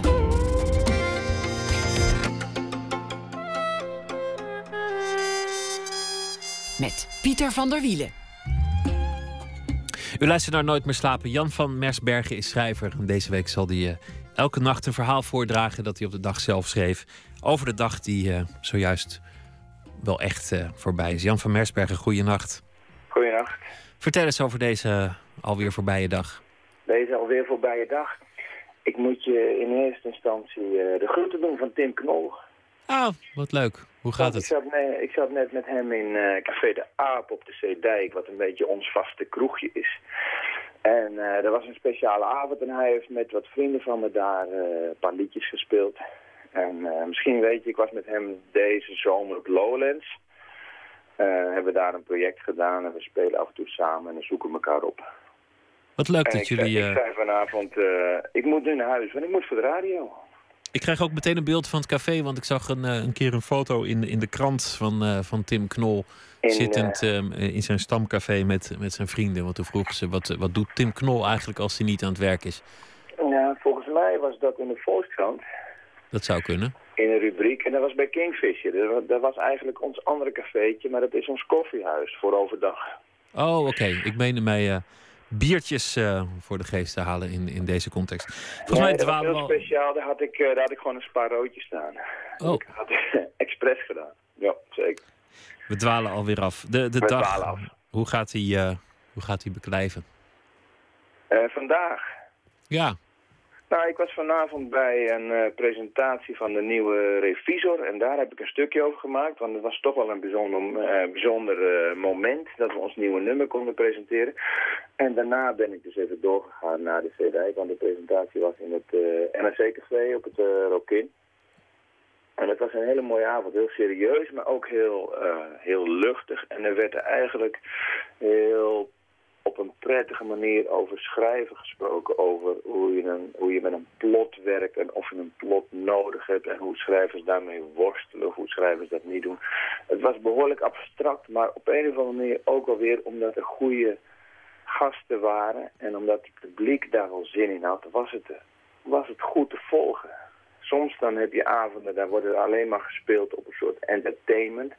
Dan moet je de zaal van maken, dan moet je grappig zijn. En nu kon je zeggen van nou, als ik met een boek bezig ben, dan wil ik graag dit doen of ik wil dit bereiken. En daar worstel ik mee. En dat, en daar had vanavond, denk ik, iedere spreker wel, uh, ja, die zat daar wel in. En dat was heel mooi om te, om te merken. Dat, was, uh, dat was jouw dag. Je hebt een verhaal geschreven over uh, de Revisor, literair ja. tijdschrift. Ja. Ga je gang, als je weer... Oké, okay, dan komt hij. Ik kom net van een boekpresentatie. Niet van mijn eigen boek en ook niet van het boek van een andere schrijver, maar van het nieuwe nummer van de Revisor. Een boek van iedereen, want zo voelt het. Een jaar of vijf maak ik inmiddels deel uit van de redactie die streng is en een duidelijke visie heeft, maar die ook ruimte geeft aan speelse nieuwe literatuur. Die jonge mensen de kans geven die zij verdienen en gearriveerde schrijvers de begeleiding die ook zij nodig hebben. De rust en aandacht voor hun teksten. Voorafgaand aan de presentatie herlas ik een paar bijdragen. Een enkele zin. Ze heeft een aardbeienhuid. Zal het zoet smaken? Ik weet het niet. Proef eens. Dat schreven twee jonge vrouwen die zich de oppergodinnen noemen. Een bijdrage vol ambitie, ook in hun naam, en dat zie ik graag. Rick van Leeuwen laat een jongen bij de emballage werken in de supermarkt. Dat is waar je de flessen teruggeeft. Dat is een mooie setting. En het deed me heel goed dat Frans Pollux weer aan het schrijven is, mijn vriend uit Venlo. En heel goed aan het schrijven is zelfs. En het mooie van een literair tijdschrift is de trots. Want een roman waar ik zelf twee jaar aan werk, die wordt gepresenteerd. En plots is daar de bescheidenheid en ook de onzekerheid. Die twee factoren tegelijkertijd. Ik weet niet meer hoe ik complimentjes moet ontvangen en ik weet niet hoe goed of hoe slecht het boek eigenlijk is. En bij dit tijdschrift voel ik enkel trots, ook vanavond bij de presentatie. Het begeleiden van andere schrijvers geeft me die ruimte. Dan deel ik zelf complimenten uit, want de schrijvers hebben het allemaal zelf gedaan. En van onzekerheid over de kwaliteit is geen enkel moment sprake is ook wel een mooie traditie, hè? Zo'n zo'n literair tijdschrift. Dat, dat, dat, ja. de gedachte alleen al ademt een soort sfeer. Het is een oude, oude traditie. De revisor bestaat inmiddels 40 jaar. En er zijn er nog... Uh, uh, dat is mijn gezin, is nieuw. En je hebt nog Tirade en de Gids en Hollands Maanblad. Er zijn er een heleboel. En het is heel mooi om daar deel van uit te maken. Omdat wij, en ook die anderen... Uh, jonge schrijvers een kans geven. En, en, en ook vooral de begeleiding die ze nodig hebben. Soms maken schrijvers voor een verhaal wel nou, vier of vijf nieuwe versies. En dan blijven we aan het zeuren van dit moet nog anders. En zul je hier niet nog eens naar kijken. En het gaat maar door. Dat je op een gegeven moment denkt, ze zijn me helemaal zat. En dan komt er uiteindelijk een bijdrage uit die echt goed is.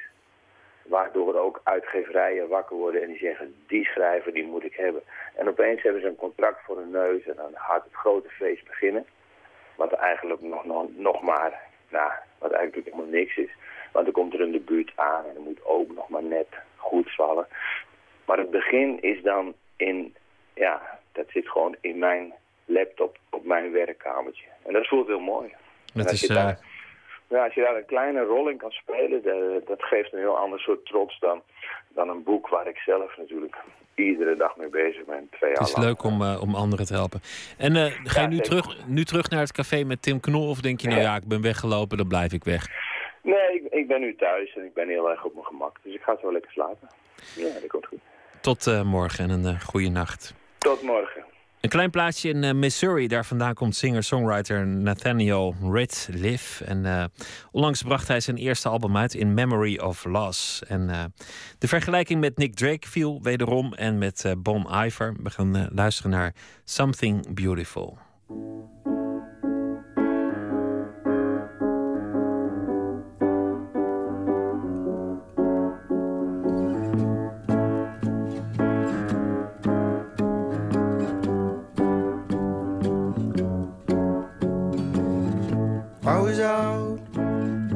Skipping stones.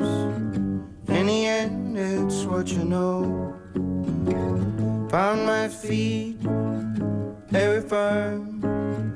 What you leave is what you burn. Won't find me in the second verse. You never found me in the first. Oh, wait. Does it and you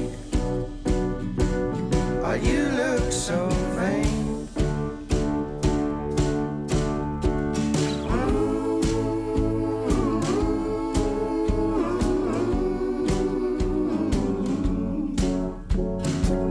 Broke my heart, broke my will. It was all so much to feel. Every turn,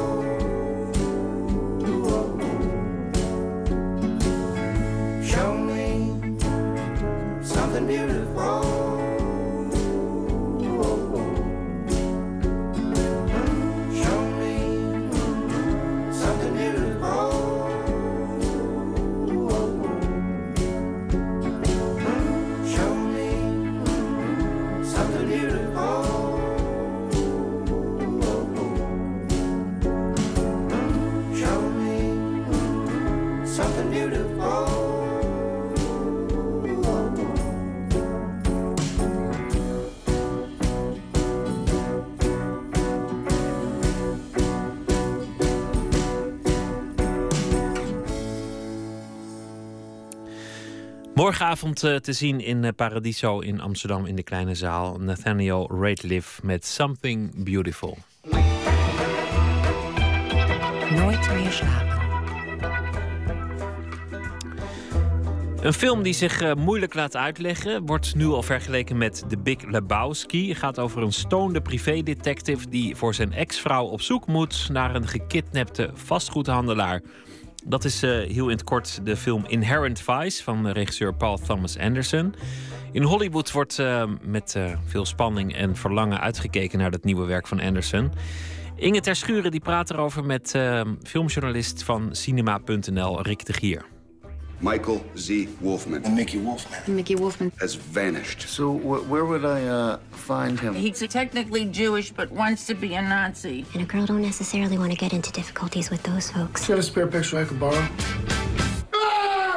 Joaquin Phoenix speelt Doc Sportello. En de setting is 1970 in Los Angeles. En hij is een, uh, ja, een speurneus, een detective. Maar wel eentje die voortdurend stoned is. Dus hij is altijd aan het blowen of andere middelen aan het gebruiken.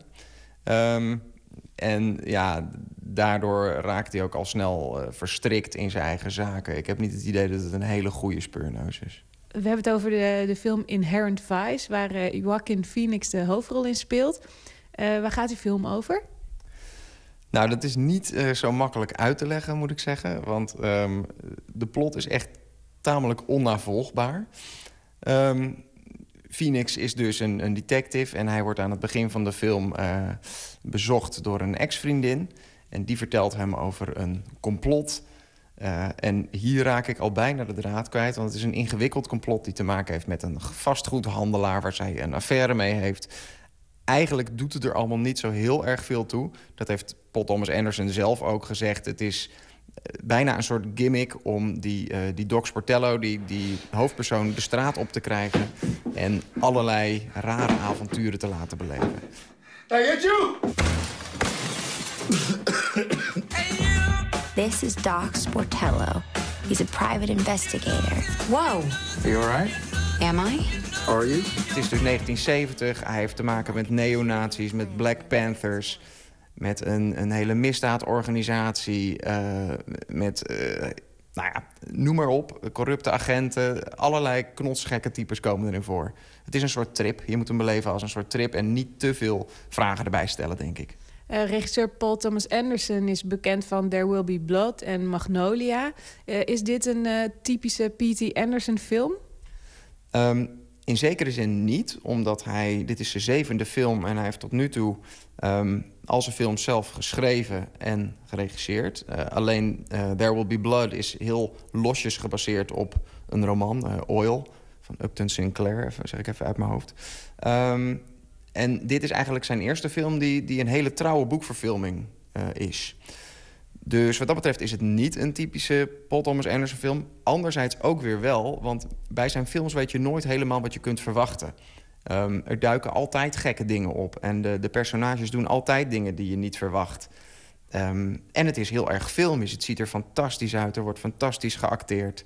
Dus ja, in die zin is het wel, wel degelijk een typische Anderson film. Is dit een film waarin de filmwereld rijkhalsend naar werd uitgekeken? Ja, ik denk echt de filmliefhebbers... Die, die, Anderson is heel populair bij, bij, bij cinefielen. Dus wat dat betreft werd er, wel, ja, werd er denk ik wel rijkhalsend naar uitgekeken. Of de, of de bioscopen echt vol zullen lopen, dat weet ik niet. Want daarvoor is het denk ik toch ook wel weer... heeft een te, te hoog cultgehalte of zo. Ordinarily, we're the ones asking the questions. And your question is, which side am I on? Good question. Wrong answer.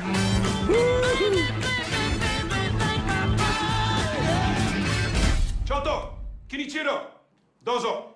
Moto Penekeku. Moto Penekeku. Moto Penekeku. Hai. Hai. Hai. De titel Inherent Vice die wordt in het Nederlands vertaald als eigen gebrek. Waar, waar, waar slaat die titel op? Nou, dat schijnt een, uh, een verzekeringsterm te zijn. Um, ja, het betekent zoiets als dat een, uh, een bepaald product een gebrek van zichzelf kan hebben... waardoor het niet te verzekeren is. Dus ik heb me laten vertellen dat een voorbeeld is bijvoorbeeld... als je eieren gaat vervoeren, dan willen ze die niet verzekeren... want die kunnen breken. En dat, uh, dus dat is een inherent vice. Ik heb het idee dat het in deze film slaat het misschien wel op de tijd... waarin de film zich afspeelt. Het is 1970, dat is echt zo'n keerpunt natuurlijk... dat de hippie, het hippie-tijdperk, de hippie-idealen... Um, ja, je had net uh, Charles Manson gehad, die komt ook in de, in de film, uh, wordt, er, wordt er naar hem verwezen. Um, de vrije liefde en het drugsgebruik, die, die uh, liepen misschien een beetje uit de hand. Dus ik heb het idee dat die titel een beetje slaat op iets wat in, die, in dat tijdperk ingebakken zat. Dat het enerzijds allemaal er heel mooi uitzag, maar dat het um, op het punt stond om ja, in elkaar te zakken of zo. Dus er zit ook wel een een soort melancholieke ondertoon in de film. Ondanks alle kolder is het toch, heeft het ook iets, iets treurigs over dat tijdperk en over het verval van die idealen. Jij bent in Parijs geweest en daar heb je Paul Thomas Anderson en Joaquin Phoenix geïnterviewd. Hoe was dat? Nou, dat was wel een belevenis. Ehm, vooral Joaquin Phoenix, want uh, die staat erom bekend dat hij niet gek is op de pers. Dus ik was van tevoren wel heel benieuwd hoe dat zou zijn. Nu heb ik, uh, ik, kon ze allebei een half uur spreken. En uh, dat was samen met een, een, een paar andere journalisten uit verschillende Europese landen. En ja, toen Joaquin Phoenix binnenkwam, was het meteen duidelijk dat hij er totaal geen zin in had. Um, hij zat heel ontwijkend. Hij reageerde heel ontwijkend op vragen. Hij keek vooral naar de tafel. Hij zat de hele tijd te trillen met zijn been. Hij gaf hele korte antwoorden af en toe. Uh, letterlijk gewoon ja of nee. No, I, I, I don't really. Um, yeah, I don't. En op een gegeven moment, na een minuut of tien, kwam er een soort uitbarsting van hem. Dat hij uh, halverwege een, een antwoord zat en opeens ging vertellen dat hij zo'n hekel heeft aan, aan interviews. I fucking hate myself right now. I'm so sick of this shit. You guys are fucking great. I hate myself. I hate how I talk about this. It sounds so stupid. Just like, I don't know. It just, en dat hield hij wel een paar minuten vol. Dat was eigenlijk heel erg vermakelijk, moet ik erbij zeggen. I, like, I feel very sincere about the work that I do. Like, I really care a lot uh, about it. And then I feel like I come and do interviews. It just sounds so stupid. Like, I hear myself talking. Het had, ja, het had misschien wel iets van, van of zo. Aan de andere kant vond ik het ook wel heel oprecht overkomen. Want ik denk dat hij echt iemand is die, die hier heel slecht in is... en die het vooral doet omdat het in het contract staat. Um, wat wel opvallend was, is dat, dat na die tirade... Uh, het leek hem echt op te luchten. Want daarna gaf hij opeens veel, veel mooiere antwoorden eigenlijk. En ging hij veel serieuzer op de vragen in. But yeah, I hope you understand. I really... I want to give you some... Like, if, you, if there's some quotes that you guys need... I'll be happy to repeat that. Hoe komt het dat hij zo'n zo'n slechte relatie heeft met de, met de pers? In hoeverre heeft dat te maken met de hele heisa die uh, is ontstaan dat zijn broer uh, River Phoenix overleed? Ja, ik denk, denk dat het daar inderdaad al wel wat mee te maken had. Want hij was, uh, hij was toen 19 toen zijn, toen zijn broer overleed. En, en hij was degene die het, die het telefoontje ook naar, naar de alarmcentrale had gemaakt. Dat telefoontje is toen uitgelekt en heel veel in de media geweest. En hij heeft, hij heeft toen echt uh, bewust een, een, paar jaar volgens mij heel weinig met de pers te maken willen hebben. En regisseur Paul Thomas Anderson, was hij iets toeschietelijker? Ja, zeker. Dat is echt gewoon een, een, een typische vriendelijke Amerikaan... Die, die heel welwillend praat over zijn films. Tegelijkertijd... Um, is het ergens ook wel een schuchter type. Hij was ook heel erg moe, zat de hele tijd te gapen tussendoor. Uiteindelijk werd hem vooral ook gevraagd naar... Ja, de film heeft wel het een en ander weg van de Big Lebowski. En uh, hoe kijk je daar zelf tegenaan? En toen gaf hij meteen toe, hij zei... dat was een van de redenen waarom ik die film eigenlijk niet wilde maken aanvankelijk. Want ik dacht, ja, de Big Lebowski is de beste film aller tijden. Die is al gemaakt. Uh, hoe, hoe moet ik dat nou gaan evenaren of zo? You, you have to make peace with the Big Lebowski. You have to say... The Big Lebowski is the greatest film that has ever been made. You're not making the Big Lebowski. You're doing something else. Hoe is de film in uh, de Verenigde Staten ontvangen, waar die al draait? Ja, volgens mij wel goed. Je, je merkt... Ik bedoel, ik weet niet wat het grote publiek ervan vindt... maar je merkt wel onder filmrecensenten... Um, Paul Thomas Anderson is wel wat je noemt een soort critics darling. Dus die, die kan ook eigenlijk weinig, uh, weinig verkeerd doen. Ook deze film is, is goed ontvangen, al... Um, merk je wel in sommige recensies dat mensen er iets minder mee kunnen dan zijn eerdere films. Ik moet zeggen dat het voor mij eigenlijk ook opgaat. Ik, ik vond het een ontzettend vermakelijke film die er goed uitziet. En Anderson heeft nog nooit een saaie film gemaakt. Maar de magie die ik voelde bij sommige van zijn eerdere werk... die ontbreekt bij mij hier ook wel een beetje. Het is vooral, vooral heel erg vermakelijk. Well, maybe you're better off it than Nazis.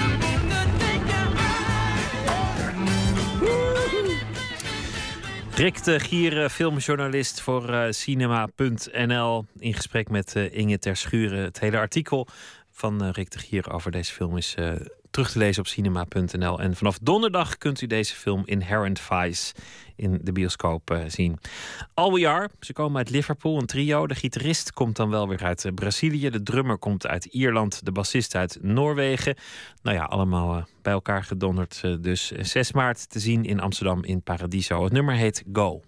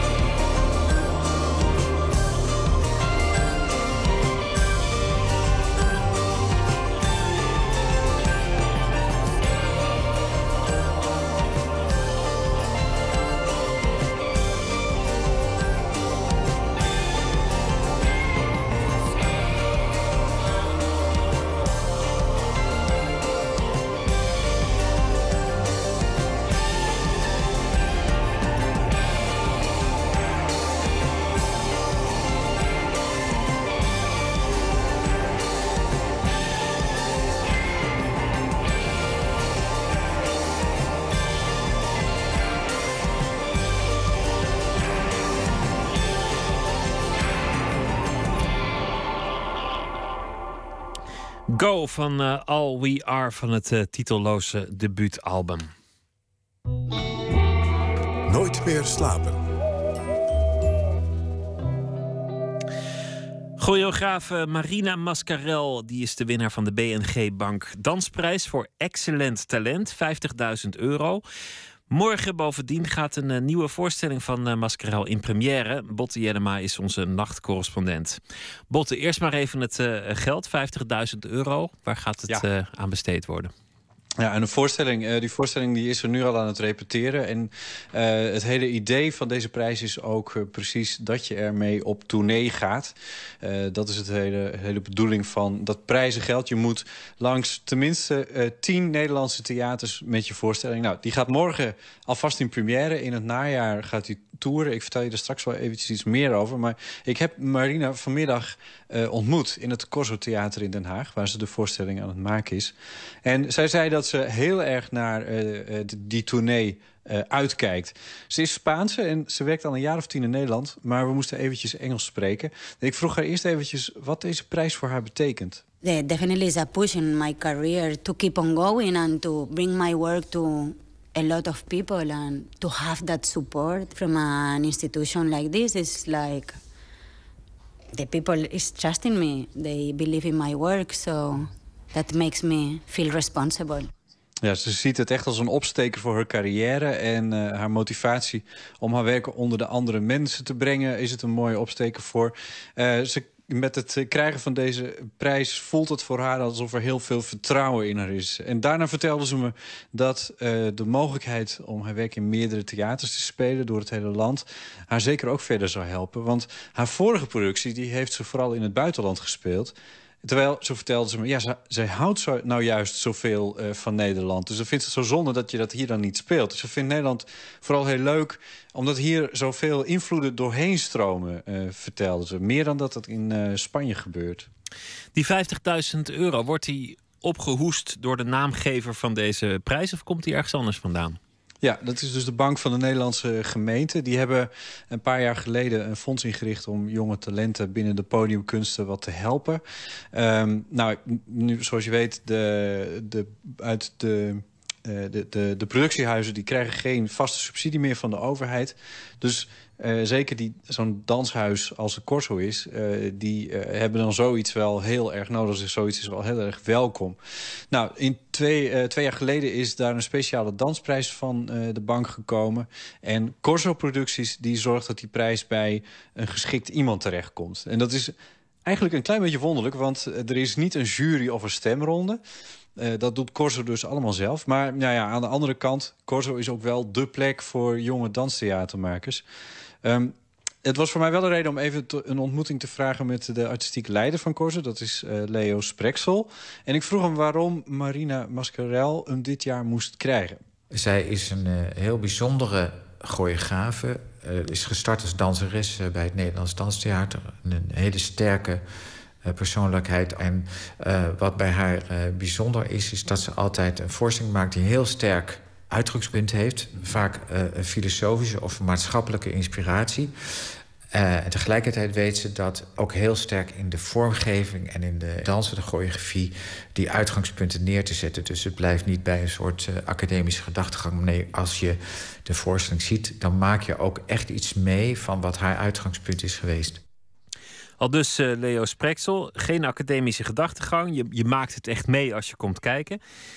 Ze werkt aan een nieuwe voorstelling, vertelde je. Ja, ja uh, met de mooie titel... Uh, It is like a large animal deep in sleep. Dat is een dichtregel uit een, uit een gedicht van Charles Bukowski.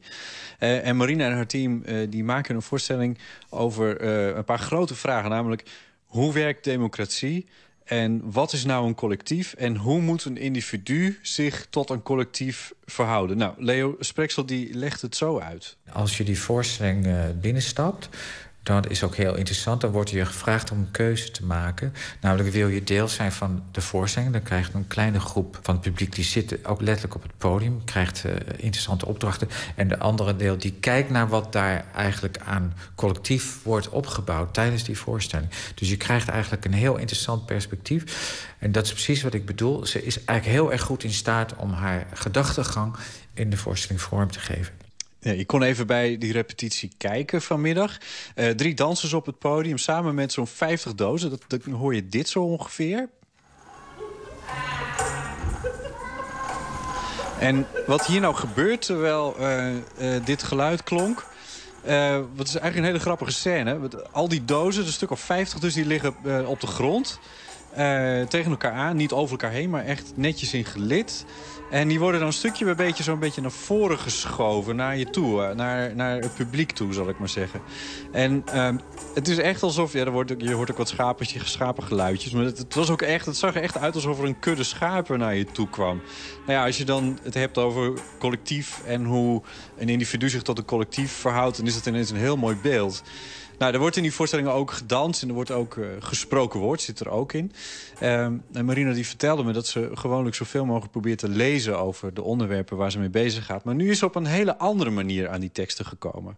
So I decided to do interviews in Holland, in Spain and in Argentina. Mm -hmm. What questions did you ask the people that you met? What's democracy? Do you feel free? Do you feel represented by the government or the parties? Uh, what's the role of the individual in the society? What's your role in the society? What's the most social thing a person can do? Ja, straatinterviews dus. In, in Spanje antwoordde een man op die laatste vraag... het meest asociale wat je kan doen is de politiek ingaan. Zo. in Spanje, ja, in Spanje spraken de mensen vernietigend over hun uh, overheid, vertelde Marine. Maar daar moest ze een beetje om lachen. Ze zei, ik had niet verwacht dat er zo gigantisch veel verschil zou zijn...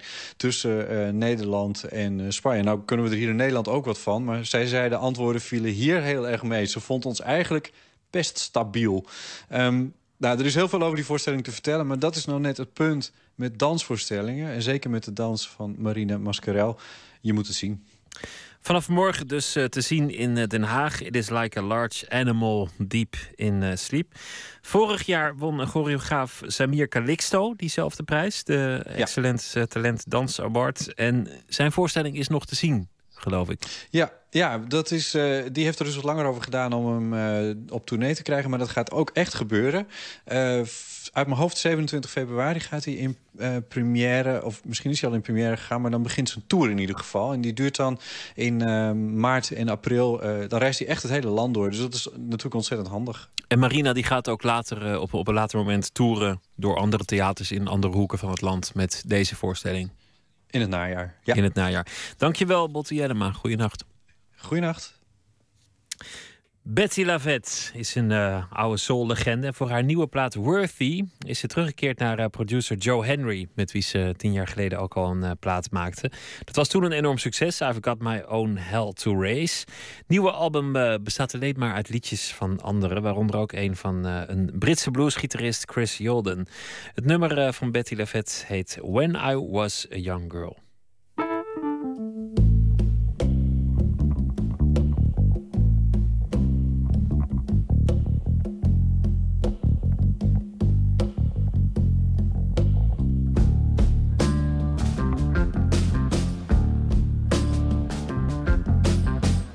When I was a young girl, all advice I'd scorn. Now I've gotten older, I see I had a lot to learn.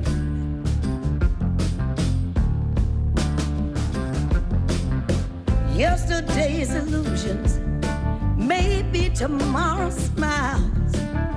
I look back and laugh every once in a while. And it's always the same. Who knows what's to blame? If I knew then what I know now, mistakes I wouldn't have made. But you can't get a sneak review of what you're gonna go through, and you gotta rely on your body and mind. to see the light from the shade.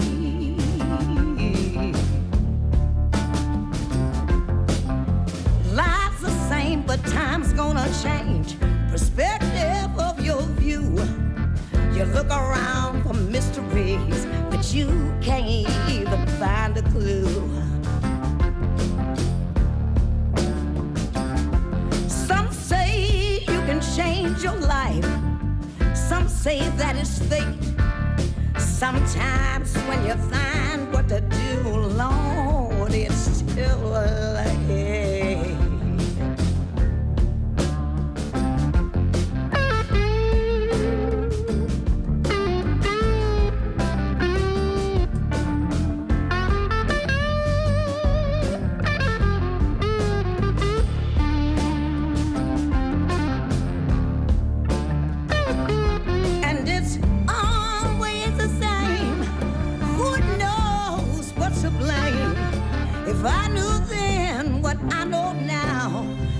Mistakes I wouldn't have made. But you can't get a sneak preview of what you're gonna go through. Oh, you gotta rely on your body and mind to see the light from shade.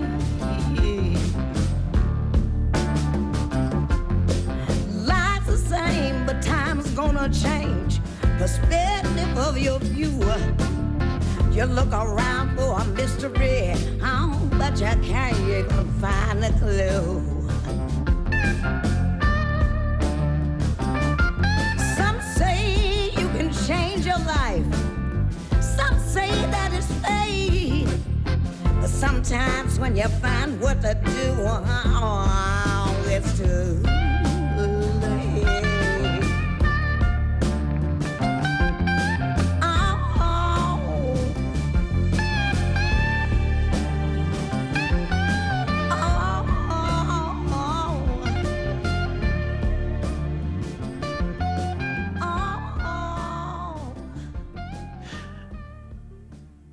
Betty Lavette was dat When I Was a Young Girl. Nooit meer slapen.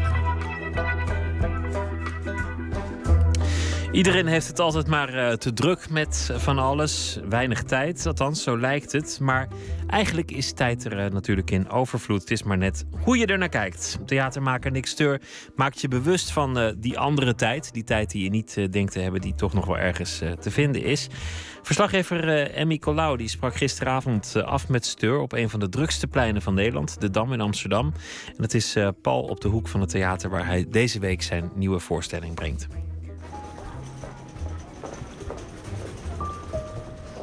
Ik eh, hou van het contrast. Dus vandaar dat ik eigenlijk waarschijnlijk in een klein dorpsje woon. Omdat ik eigenlijk veel op reis ben en veel in de stad ben. En eh, ik heb eigenlijk allebei nodig. We hebben afgesproken op de Dam, tussen het rumoer van de trams en voorbij fietsende mensen, et cetera.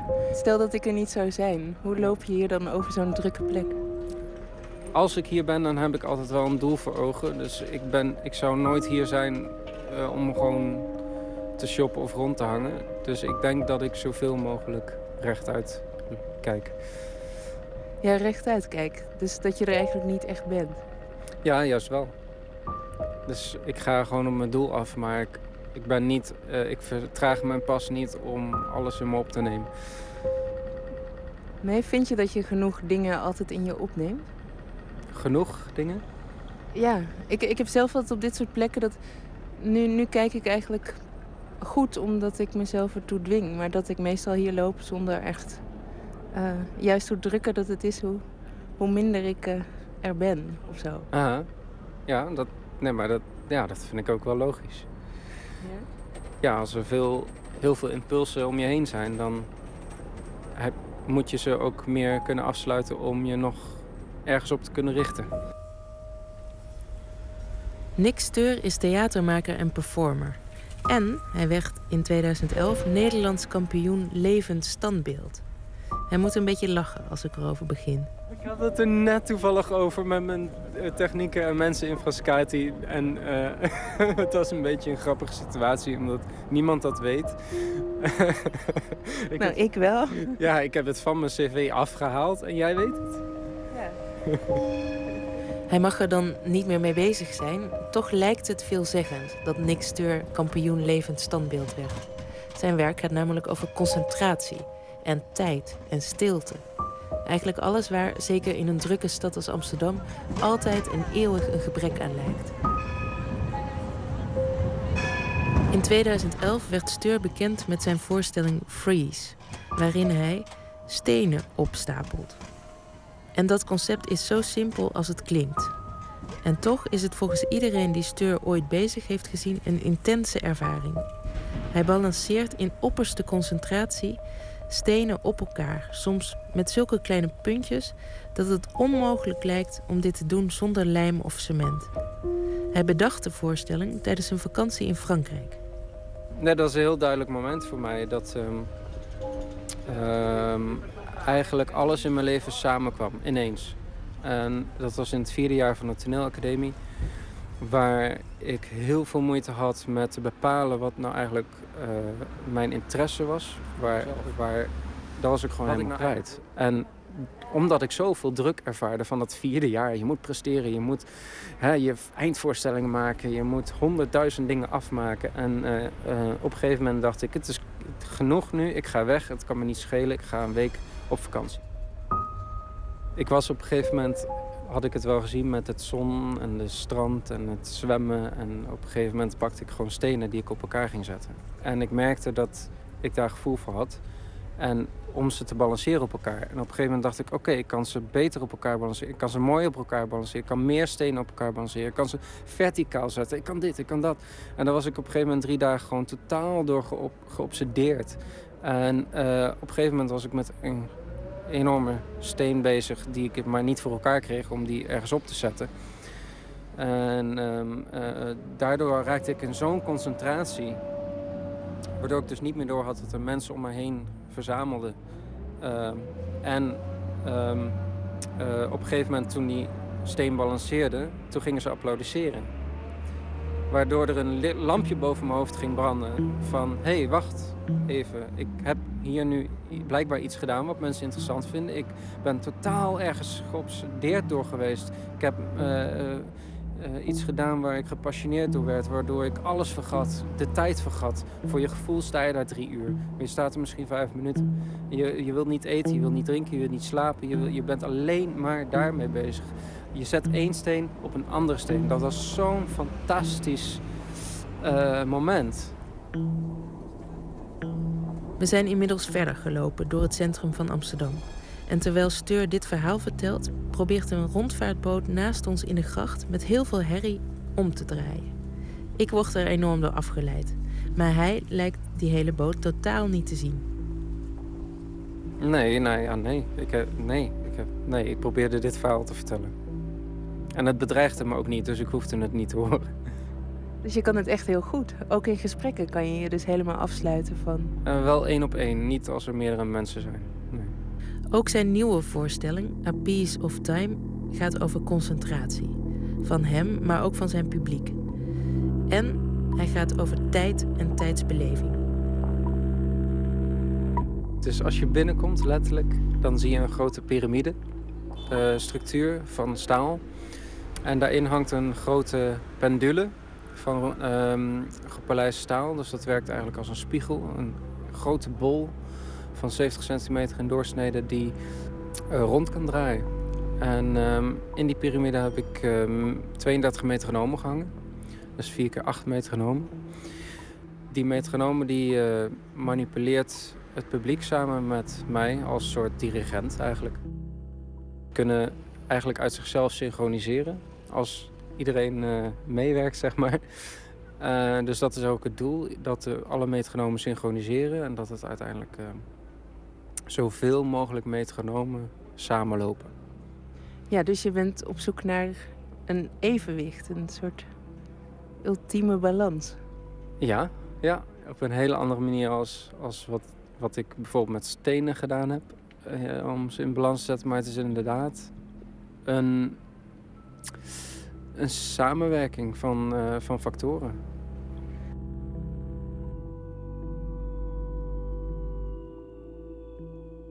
Probeer altijd als ik een nieuw werk maak, of dat nou een installatie is, of een performance, of een object, of een. Ik probeer altijd een.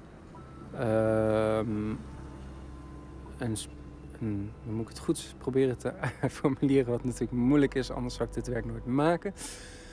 Ehm, ik, probeer altijd een soort van balans te vinden en een eh, andere tijdsbeleving te vinden, een andere intentie. Nee, ik heb hem bijna, ik heb hem bijna. Een andere eh, staat van zijn te vinden, waarin je eigenlijk de tijd en je dagelijkse gedachten los kan laten, waardoor je met je hele concentratie, met je hele zijn, je hele wezen, alles wat je nu bent, in dit moment, in deze plaats kan zijn.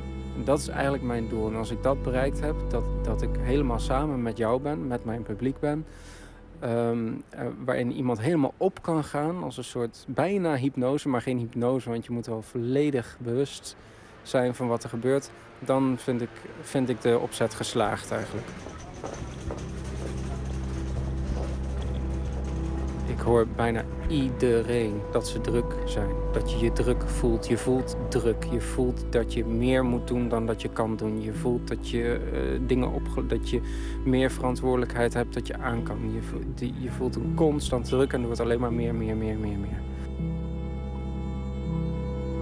Als je dan die concentratie bereikt en die tijd weer hebt, dus die tijd, de natuurlijke tijd weer voelt, wat levert dat dan op? Ruimte.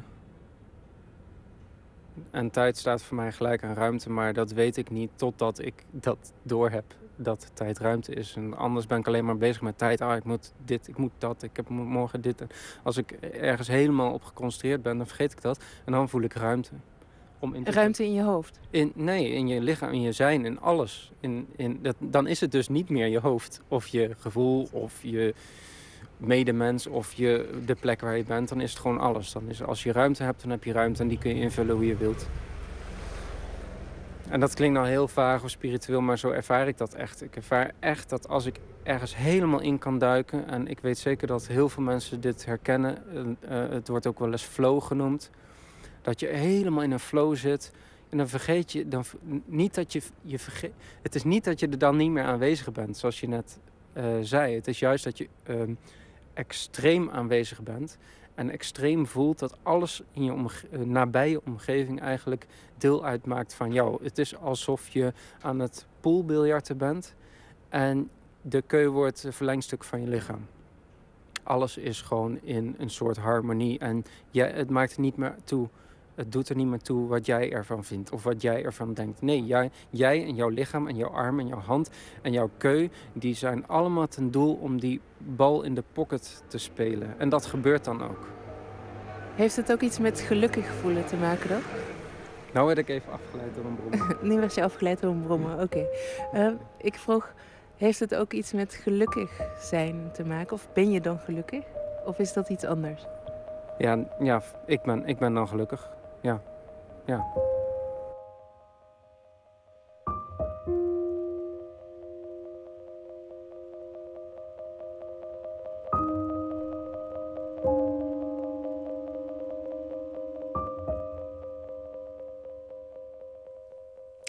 Emmy Colau in gesprek met Nick Steur naar aanleiding van zijn eh, theatervoorstelling A Piece of Time vanaf eh, de Dam in Amsterdam spraken zij.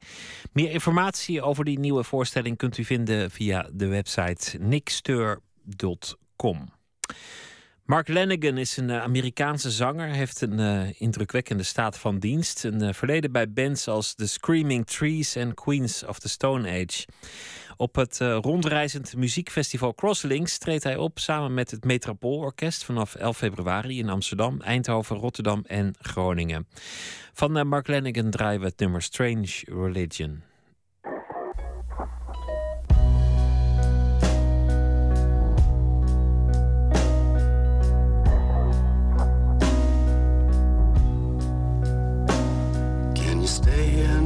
to me.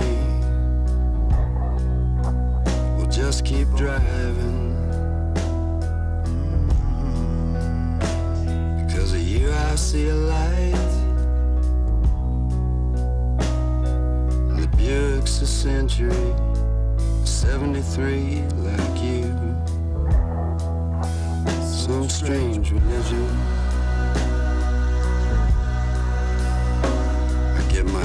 Hands on some money, mama,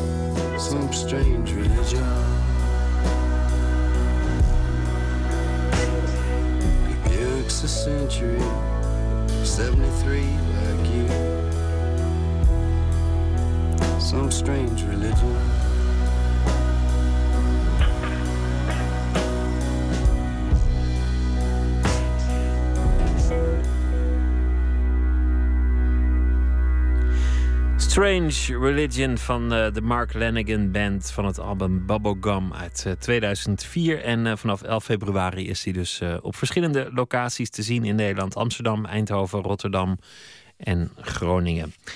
Jean-Pierre Ravi is eh, dichter. Deze week eh, sluit hij elke nacht eh, de uitzending af met een gedicht dat hij zal voordragen van iemand anders dat hem na aan het hart ligt. Hij heeft zelf een eh, tiental bundels gepubliceerd. Kreeg eh, de Charlotte Keuler Oeuvreprijs. Daarvoor 2013 maakte hij zijn debuut als romanschrijver. Vroeger was alles beter, behalve de tandarts. Vannacht eh, draagt hij een gedicht voor van de Russische dichter Alexander Blok.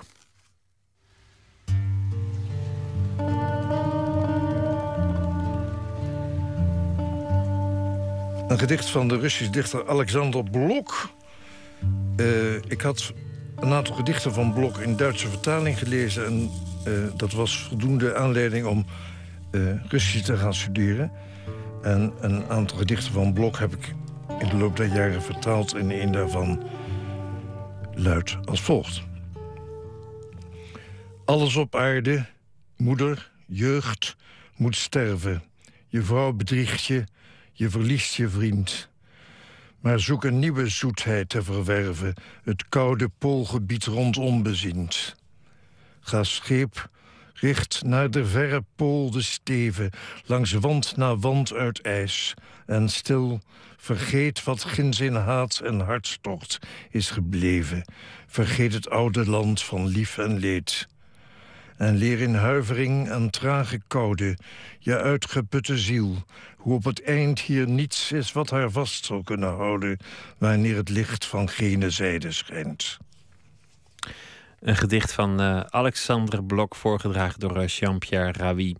Dit was uh, Nooit meer slapen voor deze nacht. Morgen na middernacht dan zijn we er weer. Arjen Lubach komt dan langs. Hij gaat een tweede reeks maken van zijn satirische tv-programma Zondag met Lubach. Dat is het moment op zondagavond, voor wie het niet gezien heeft... dat hij de week doorneemt aan de hand van filmpjes, foto's en grappen. Uh, hij is naast televisiemaker nog veel meer. Hij is uh, schrijver, heeft uh, meerdere romans geschreven. Gedebuteerd in 2006 met de roman Mensen die ik ken, die mijn moeder hebben gekend. Heeft ook een thriller geschreven. Hij maakt raphits, maakt ook andere televisie, radio. Kortom, er zijn weinig dingen in het leven die Arjen Lubach niet lijkt te kunnen. Morgen komt hij ehm, langs in Nooit meer slapen. Ook aandacht voor uh, Willy Lindwer, de regisseur met zijn documentaire Rebelse Stad over de opkomst en ondergang van de Provo-beweging.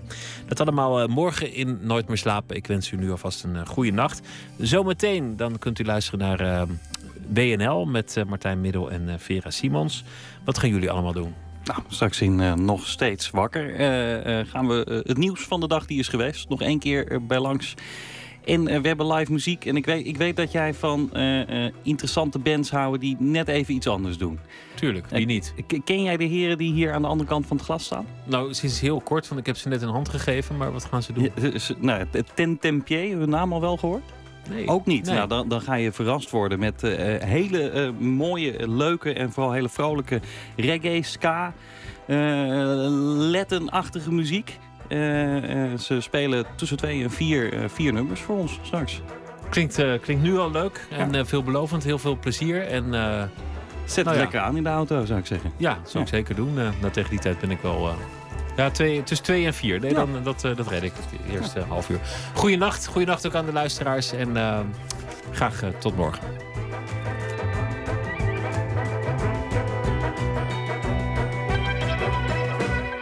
Op Radio 1. Het nieuws van alle kanten.